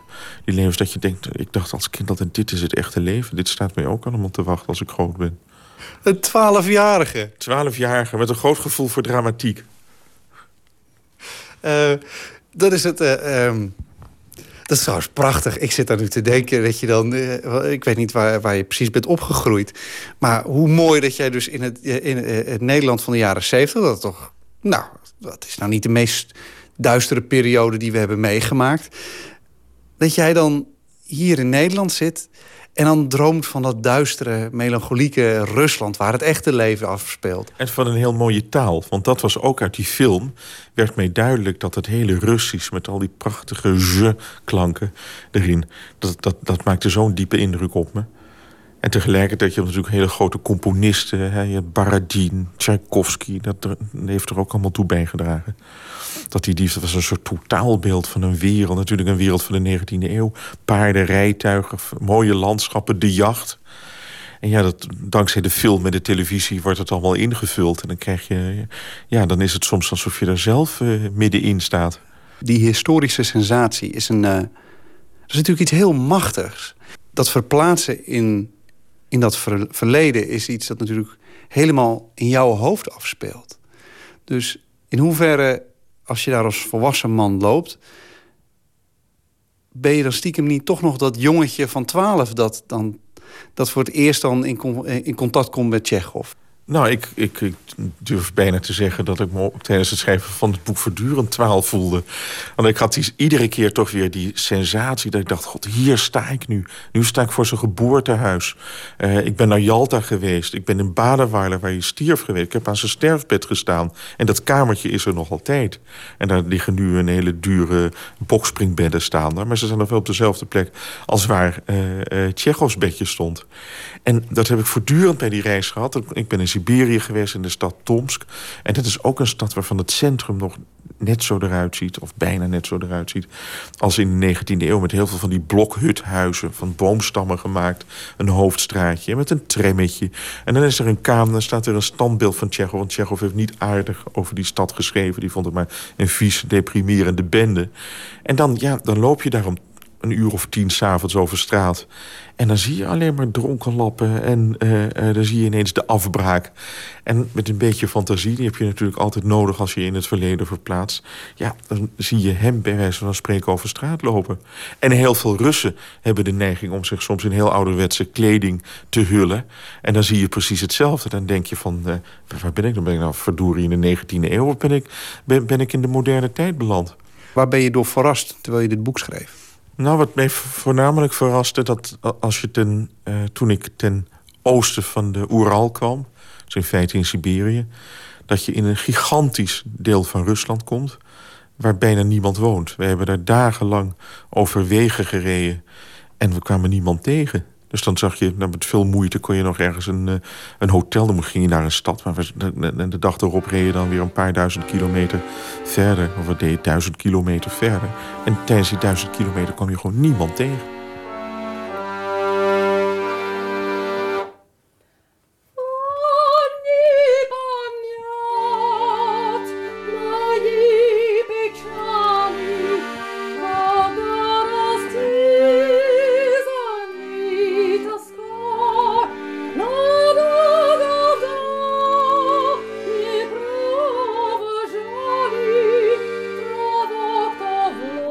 Als je dan eens door zo'n dorp in Siberië kwam... dan was het een dorp dat onder het communisme afhankelijk was van één fabriek. Die fabriek is failliet gegaan na het uiteenvallen van de Sovjet-Unie in 1992.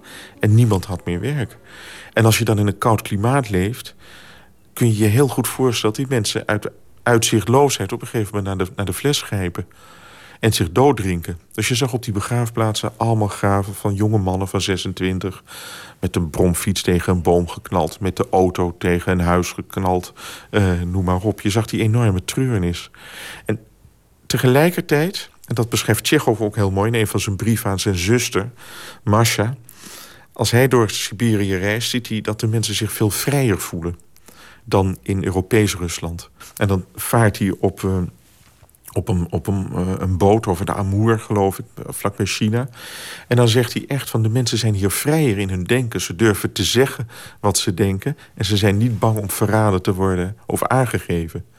En dat zie je in dat, in dat Siberië van nu ook. Mensen zijn veel makkelijker. Ik heb een Vladivostok, een uh, directeur van het havenbedrijf ontmoet... en die zei gewoon heel openlijk... en dan moest ik vragen, is het off the record of on the record? On the record zei hij, iedere wet die Poetin aanneemt is nadelig voor onze stad. En dat zullen ze in Europees Rusland... zou een burgemeester of een directeur nooit zoiets durven zeggen. Omdat hij bang is dat hij dan ontslagen wordt. Heb je je twaalfjarige zelf beter leren begrijpen... eigenlijk tijdens het schrijven van dit boek? Ik heb tijdens mijn hele verblijf in Rusland... en zeker tijdens deze reis... een besef wat nederigheid is dat wij als Westerlingen altijd maar denken van uh, onze wereld is beter. En onze wereld is, uh, wij hebben democratie, wij hebben welvaart. Wij gaan beschaafd met elkaar om. En ik heb eigenlijk tijdens die reis zoveel Russen uh, ben ik tegengekomen. Van wie ik dacht, deze mensen zijn veel, gaan veel fatsoenlijker met elkaar om. En dat je dacht, je moet oppassen met oordelen over een samenleving als de Russische. En wat altijd wordt gedaan. Het is natuurlijk een politiestaat of een autoritaire staat. Maar tegelijkertijd hebben die Russen een enorme veerkracht. Als je naar die Russische geschiedenis kijkt... het is één aan één schakeling van hongersnoden, oorlogen, revoluties... Uh, weeroorlogen, repressie van de kant van de staat. En toch zijn heel veel mensen altijd weer in staat geweest... om zich uit die modder hè, van ellende omhoog te trekken... en een menswaardig leven te leiden. Uh, wat zou nou een ideaal introductieverhaal zijn om Tsjechov te leren kennen? Nou, ze kunnen kiezen voor de, voor de beginverhalen... maar dan is hij soms wel een echte André van Duin variant. Dat je er heel erg om kunt lachen. Maar je kunt eigenlijk ook iets uit de middenperiode. De dame met het hondje is gewoon een schitterend verhaal... waar gewoon alle zwakheden van de, van de mens in worden tentoongesteld. En dan leer je hem het beste kennen. En als je dan wat wat meer aan kunt. Als je denkt, dit is een schrijver voor mij... dan moet je naar zaal nummer 6 gaan. En dat gaat over een arts in een ziekenhuis... die contact krijgt met een van de uh, patiënten op de psychiatrische afdeling... met wie hij een discussie krijgt over het verbeteren van de maatschappij. En die arts is zelf een typische Rus die denkt... dat doet er allemaal niet toe, ik kan er toch niets aan doen. En uiteindelijk gaat die man door die gesprekken met die psychiatrische patiënt... gaat hij om. En dan wil hij wel dingen over de situatie in dat ziekenhuis veranderen... Maar ja, dan wordt hij gestraft door zijn meerdere... en zelf eindigt hij als een psychiatrische patiënt. Wordt gewoon opgesloten, omdat hij te kritisch is. En dat is de sombere Tsjechov van het eind van zijn leven. Want je ziet Tsjechov als eerste man... altijd is hij enorm opgewekt geweest. En probeerde er iets van te maken. Als je maar hard werkt. En al die verhalen en die toneelstukken vooral zie je... we moeten werken, we moeten hard werken... want dan krijgen we een betere wereld. En aan het eind van zijn leven ziet hij in... dat je met dat harde werken alleen geen betere wereld krijgt. Dat je misschien toch een soort revolutie nodig hebt. Of een staatsgreep. En dan laat hij zijn pacifisme enigszins varen. En dan wordt hij maatschappelijk actief tijdens de Dreyfus-affaire. Het is wel mooi, we zitten hier nu, uh, maar aan de andere kant van de deur zitten mensen te wachten. Uh, wie zit er eigenlijk aan de andere kant van de deur te wachten? Want laten we ze maar halen zo. Maar, uh... daar, daar zit mijn vrouw, Mariette Schenk, sopraan, die mee was naar Rusland... en daar een enorme carrière heeft opgebouwd. Wat ook weer het leuke is aan Rusland. En zij heeft Russisch geleerd ze met Henk Meulenbelt, accordeonist... hebben zij enkele uh, Russische romances ingestudeerd... en die heel mooi de sfeer weergeven van de tijd van Tsjechov. En het is de, het soort muziek dat Tsjechov, die ontzettend van hield... om in een café te zitten of in een bordeel rond te hangen... dat je daar dit soort muziek moet hebben gehoord. Ja, en nou is het wel aardig dat we die bordeelsfeer weer terug gaan halen. Dus ik, uh, ik zou zeggen, loopt u lekker...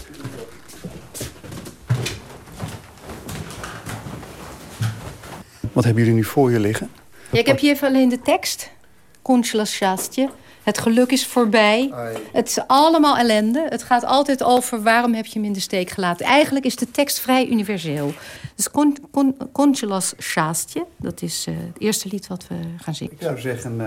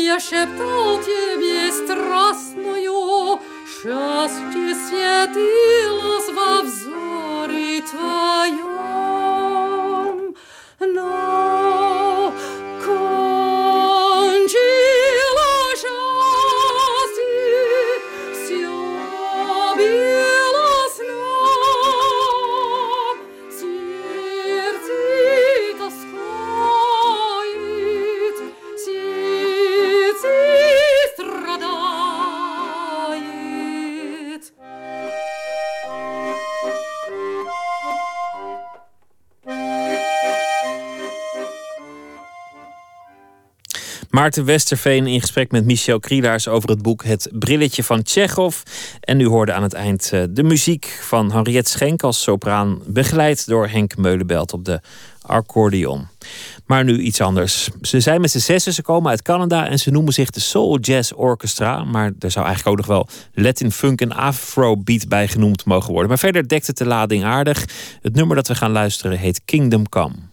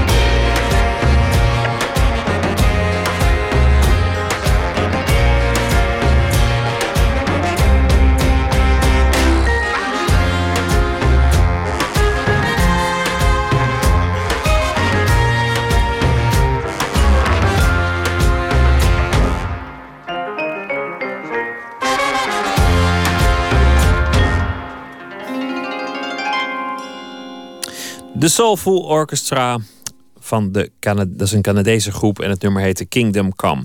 In de rubriek Door de Nacht vertellen mensen wat hen door eh, moeizame nachten heen sleurt.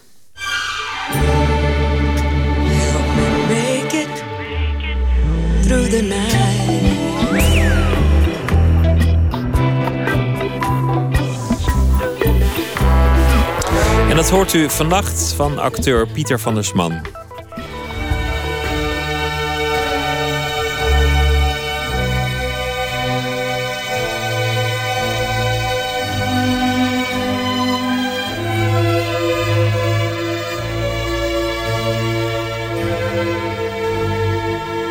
Is mijn eigen kamer. Ik heb een, eh, een echt een geweldig fijne kamer. Ehm, en het is eh, boven op zolder in mijn eigen huis. En het is omgebouwd tot een soort rariteitenkabinet. En dat helpt mij de nacht door. Als ik daar vertoef, dan, eh, dan, dan verdwijnen tijd en ruimte. Dan is, daar heb ik alles verzameld wat ik, wat ik graag heb in mijn leven. En dat zijn boeken, dat zijn theaterfoto's, dat zijn instrumenten, banjo's, violen, oude radio's, typemachines, etalagepoppen. Een oude boot die mijn opa gemaakt heeft eh, in de Tweede Wereldoorlog. En, eh, eh, schildersezel, dus ik kan daar schilderen en schrijven en alles wat ik doe. Dus als ik, als ik s s'nachts niet weet wat te doen, dan kan ik naar boven. En ik heb twee kinderen en die vinden het ook een fantastische plek. Dus soms kom ik thuis en dan staan ineens mijn dochter daar met allemaal vriendinnetjes in die kamer. Ik denk van, wat doen jullie hier? Maar dan wordt het natuurlijk getoond als een soort museum. Eigenlijk, eigenlijk willen alle mannen dat ook. Vooral mannen. Die willen of een schuurtje hebben waar ze zich terug kunnen trekken. Of, eh, eh, ja. En dan, dan mag je ook alles doen wat eh, God verboden heeft in zekere zin. Dus je sigaartjes roken en je borreltjes drinken en, en je whisky.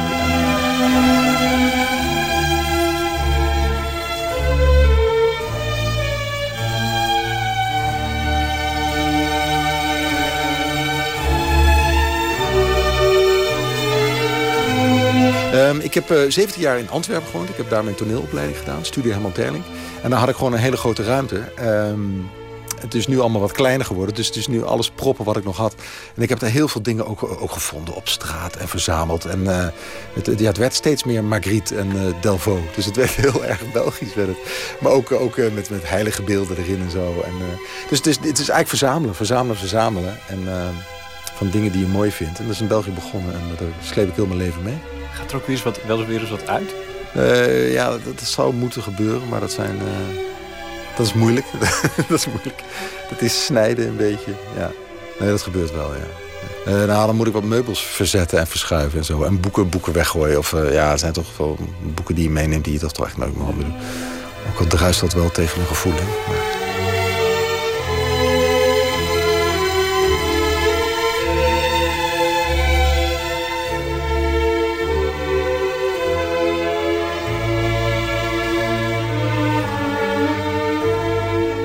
En ik, ik schrijf het liefst s'nachts, want dan verdwijnt, zoals ik zeg, alle, alle, tijd en ruimte. En dan is het heel stil. Ik kijk uit over een groot grasveld met een paar berkenbomen.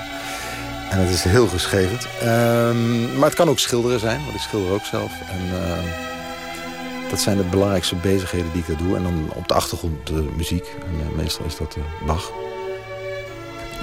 Bach komt zo vaak terug, daarom moet ik er een beetje om lachen. Ja, daar was ik al bang voor. Ja. Dat is echt, eh, dat is, eh, da- daar ben ik heel erg mee opgevoed. Mijn vader was een enorme eh, Bach-liefhebber, is nog steeds. Ehm, en Scarlatti ook, maar vooral Bach. En mijn moeder helemaal niet. Mijn moeder die haatte het. Die werd er heel zenuwachtig van. Behalve de Matthäus. En, maar ik heb het blijkbaar toch van mijn vader overgenomen. Want je gaat steeds meer op je ouders lijken, zeggen ze. En ja, zeker. Ik heb Bach ook misschien omdat het zo tijdloos is. En, en de, de grenzen vervagen. En ja, kan heel goed eh, op werk.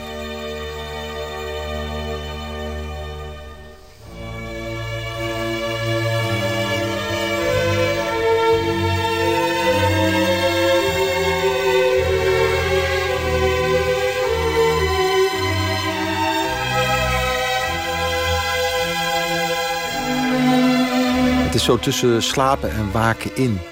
Eh, je bent niet meer heel helder. De luciditeit die verdwijnt een beetje.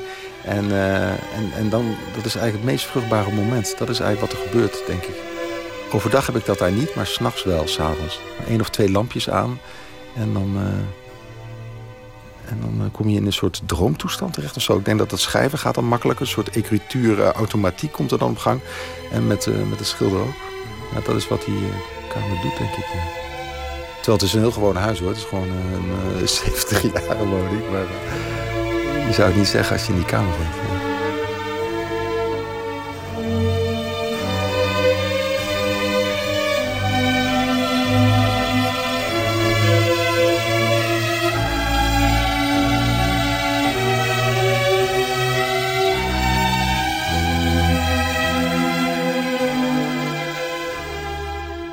Dromen boeien mij omdat ze je ontvoeren.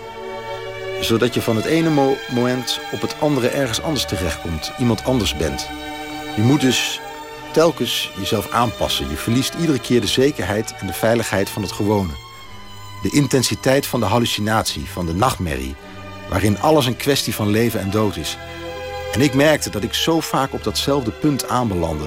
De plek waar de grenzen vervagen, waar betekenissen in elkaar overvloeien.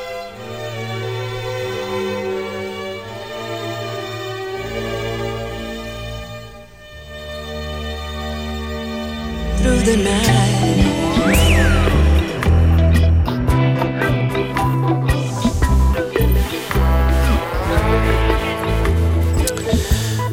Dat was uh, de wijze waarop acteur Pieter van der Sman door de dag heen komt met uh, Bach. En van Bach gaan we gewoon net zo makkelijk naar Sly and the Family Stone. Sylvester Stewart was uh, zijn naam toen hij geboren werd. De soul-legende uit de jaren 60 en 70.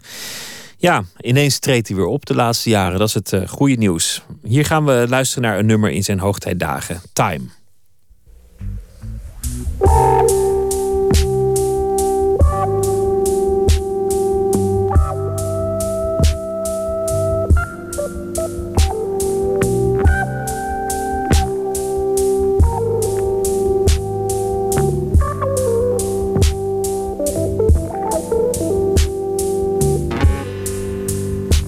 Time needs another minute at least. Take your time, but you gotta me. Yeah. That girl looks forward to another meeting. Just like everyday people I know. Looks forward to another simple greeting There, a band of woods Looks forward to have a meeting. Just any old player you know. All he needs is rating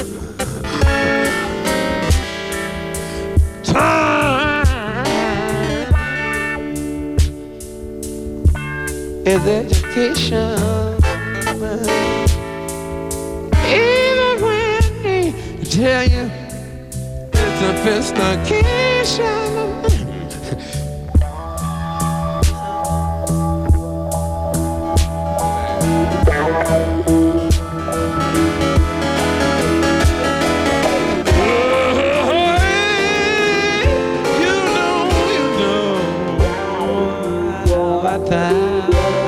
Time.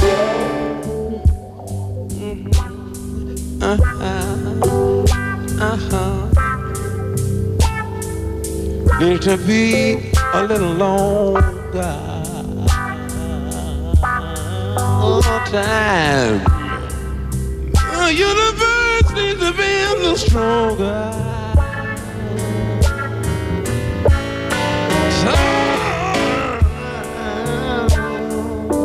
Say it ends.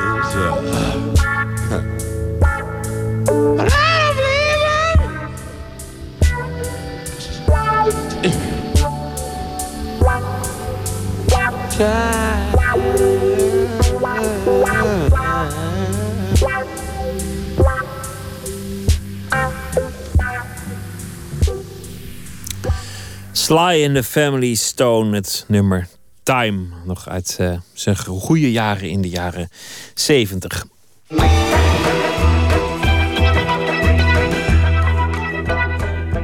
U luistert naar de VPRO op Radio 1 Nooit meer slapen. Schrijfster Wanda Bommer is in een kleine kring althans een uh, sensatie aan het worden. Haar vierde roman is verschenen en de kring van fans wordt alsmaar groter. Boekenredacteur Katja de Bruin van de VPRO-gids is een van die mensen die hoog opgeeft over Wanda Bobber. En die heeft uh, verslaggever Anton de Goede net zo lang onder druk gezet tot hij het advies opvolgde om maar eens een afspraak met Bommer te maken op een door haar aangegeven locatie.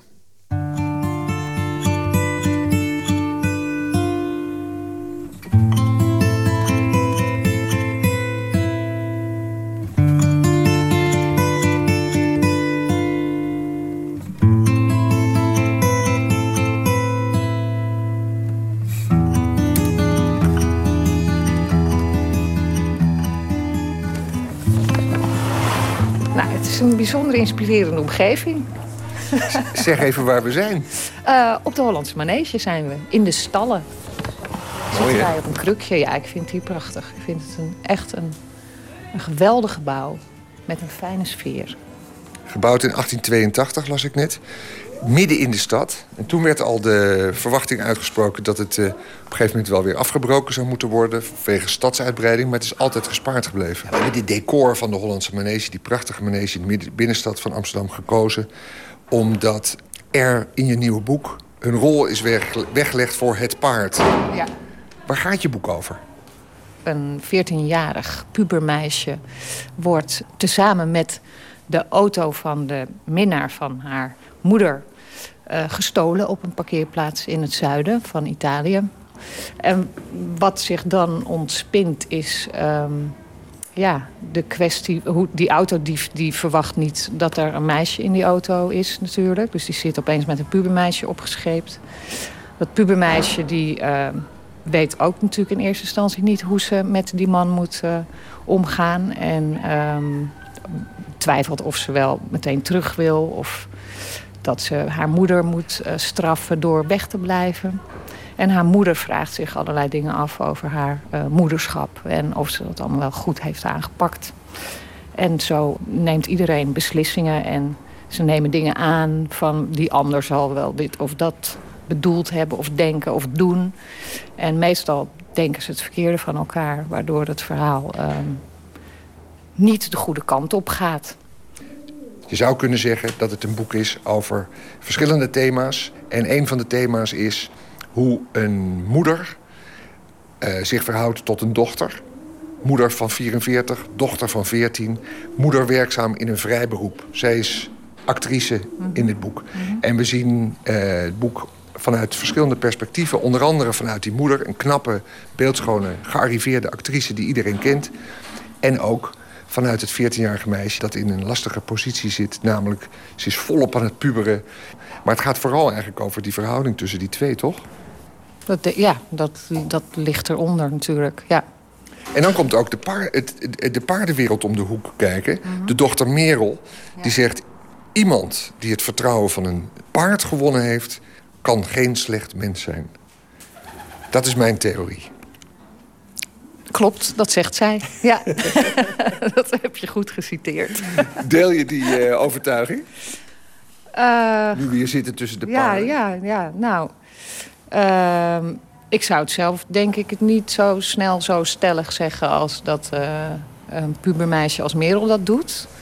Maar als ik erover na ga denken... Dat, ik denk wel dat dieren op zich um, vrij eerlijk zijn in hoe ze reageren op mensen. Dus als jij een paard een keer een paar flinke knallen voor zijn kop hebt gegeven... dan denk ik niet dat hij uh, aardig tegen je blijft doen. Nee. Stel ik mij zo voor, hoor. Ik heb het nog nooit geprobeerd, natuurlijk. Ik had, vroeger had je, had je als jongen dan vriendinnetjes... en dan had je van die speciale uh, paardenliefhebbende vriendinnetjes... die dan allemaal posters van uitsluitend... Ja. Was jij zo'n meisje? Nee, Nee, ik was niet. Uh, ik wilde dat eigenlijk wel zijn, maar ik mocht nooit op uh, paardrijles van mijn ouders. Traumaatje, jeugdtraumaatje misschien, wat ik nu dan heb uh, verwerkt in dit boek.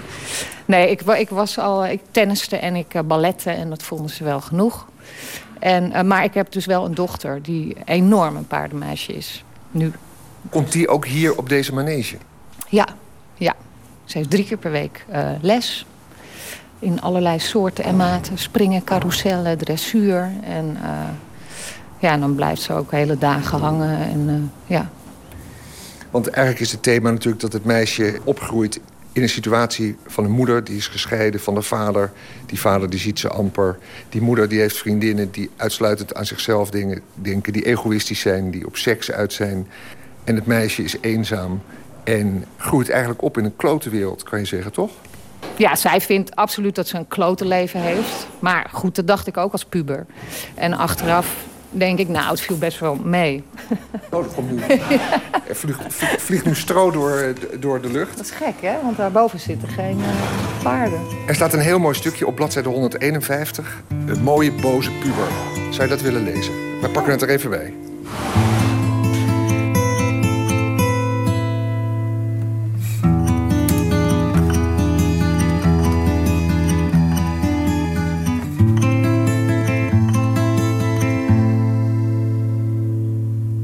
Niet aan denken nu.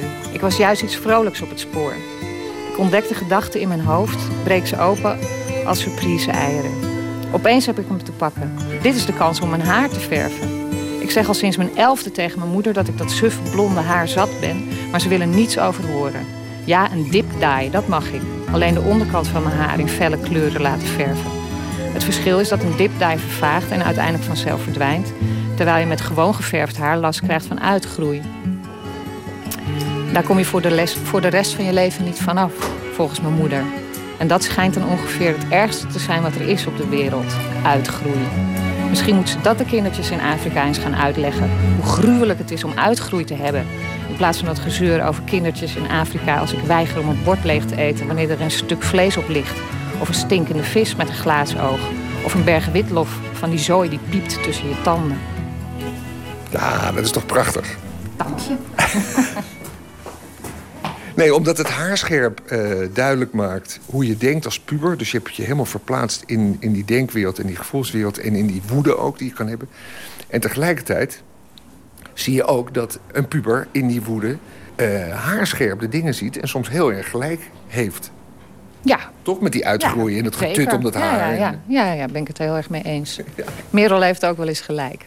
Zeker. Zou de puberteit in de grote stad zwaarder tellen dan buiten de grote stad? In kleinere dorpskernen? Eh, ik, ik doe maar een suggestie. Mhm, Nou, nee, ik denk het niet. Ik denk... Nou, ik weet niet of het zelfs... Ik wilde gaan zeggen, ik denk zelfs dat het andersom is.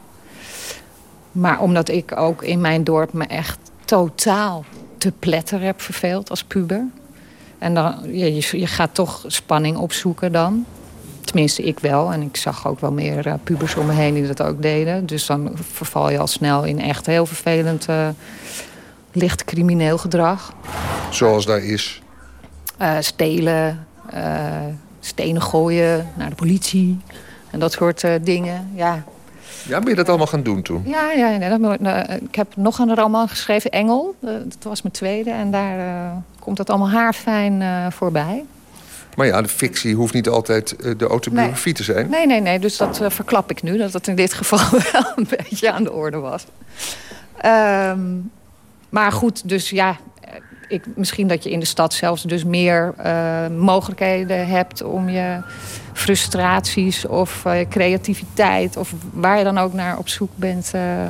verder te ontwikkelen dan in een dorp. Dus ja, ik weet niet. Maar en uiteindelijk is het gewoon volgens mij voor iedereen afgrijzelijk hoe die hormonen eh, alles overnemen voor een paar jaar.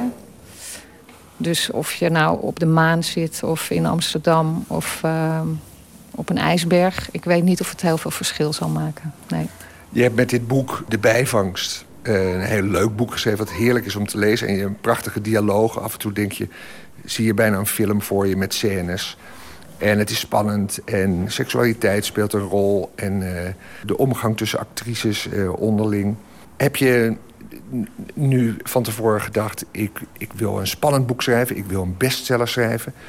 of ik wil een bepaalde problematiek behandelen? Eh, van waaruit is het geschreven? Ik, ik ehm, denk dat uiteindelijk mijn eerste drijfveer om een boek te gaan schrijven... de drang tot het vertellen van een verhaal is. Dat vind ik gewoon leuk, verhalen vertellen. Omdat ik hoop dat mensen het, het fijn vinden, dat ze een leuke tijd hebben terwijl ze mijn, mijn werk lezen. En als ze daar tegelijkertijd iets van opsteken, of dat ze daar denkbeelden in herkennen, of ehm, wel over die onderliggende thema's gaan nadenken. Eh, verhoudingen tussen moeders en puberdochters en eh, noem het allemaal maar op wat er voorbij kan komen. Dan vind ik dat een leuke bijkomstigheid, maar dat is niet eh, mijn eerste opzet of zo. Nee. Dan is het een mooie bijvangst, om de titel maar eens te noemen. Heel leuk, ja.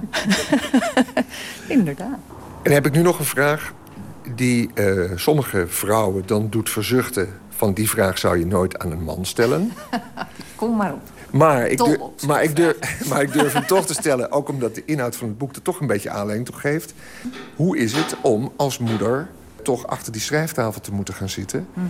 terwijl je ook eh, met school bezig moet houden en andere dingen? Mhm. En met mijn werk zelfs, hè, want ik heb ook gewoon een baan. Ehm, nou, want, ja. want je baan is werken voor de groep De Dijk, Ja, toch? klopt. Ja, daar doe ik de boekingen voor. Ik regel de optredens. Dat is natuurlijk niet fulltime, maar wel eh, een paar dagen per week. Eh, ja, het is gewoon druk. Ehm, weinig slapen. En veel werken. Maar ja, als zolang je werk is, eh, een beetje een leuk bandje boeken en eh, verhalen schrijven, is het allemaal natuurlijk. eh, in de mijnen is het erger, zeg ik altijd maar. Ja, daar heb ik geen last van. Nee, het is gewoon. ik, vind, ik, ik doe leuke dingen, dus ja. Het, het, en, mijn man, de vader van onze dochter, is ook gewoon nog thuis. Of nou ja, hij is niet vaak thuis, maar hij, eh, we zijn nog samen. Dus ja, we, zo met z'n drie eh, rommelen we het eh, prima met elkaar. ja. Ja, dus die opvoeding, zeg jij, is heel goed te combineren. Opvoeden, schrijven en werk, die drie dingen gaan gewoon goed. Ja, volgens mij wel. Ja, misschien zou je het aan mijn dochter moeten vragen of zij er ook zo over denkt. Nee, maar ja, als je er maar bent als... eh, kijk, nu bijvoorbeeld, eh, zij vindt het prima om alleen thuis te zijn... maar niet na, dat, na bedtijd. Dan wil ze nog dat er iemand thuis is. Dus dan zorg ik daarvoor. En eh, ja, toen ze kleiner was, was ik gewoon altijd na schooltijd thuis. Het is natuurlijk heel prettig van dat je je eigen tijden kunt indelen. En ja, in de, in de beginjaren schreef ik voornamelijk s'nachts. En dan, ja, dan sliep ik gewoon echt heel kort. En nu kan ik ook schrijven als hij op school is. Of, eh, ja, dus voor elke fase van een opgroeiend kind... is er wel weer een andere oplossing te bedenken. In, m- is mijn ervaring. Fantastisch. Schrijf voort aan dat langzaam uitdijende oeuvre van de bommer...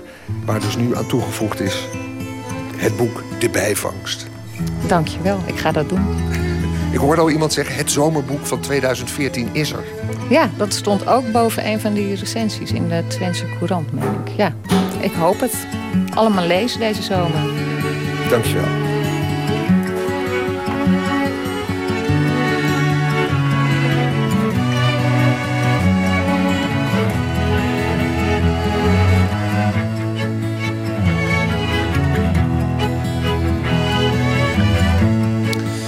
Het zomerboek van 2014 is er dus al. Nu nog wachten op de zomer. Dat was schrijfster Wanda Bommer in gesprek met Anton de Goede over het boek De Bijvangst. We gaan eh, luisteren naar muziek van Broken Bells. Dat is een eh, gelegenheidsformatie van James Mercer van The Shins samen met Danger Mouse. Het nummer heet Leave It Alone.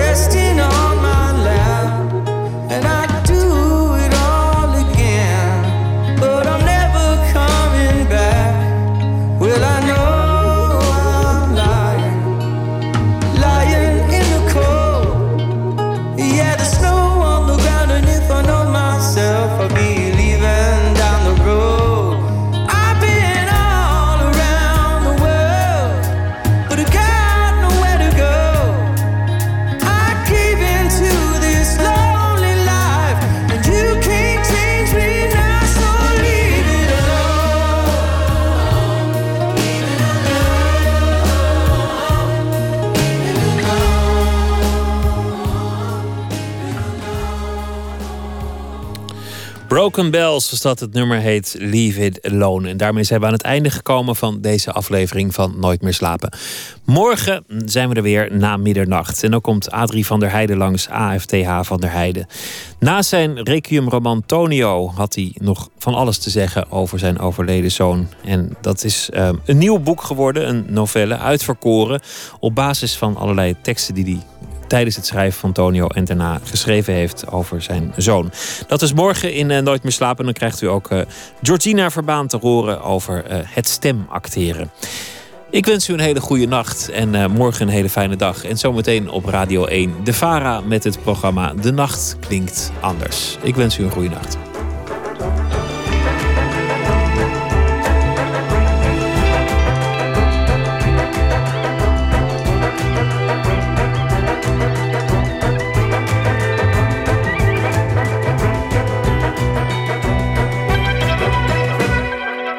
Radio 1, het nieuws van alle kanten.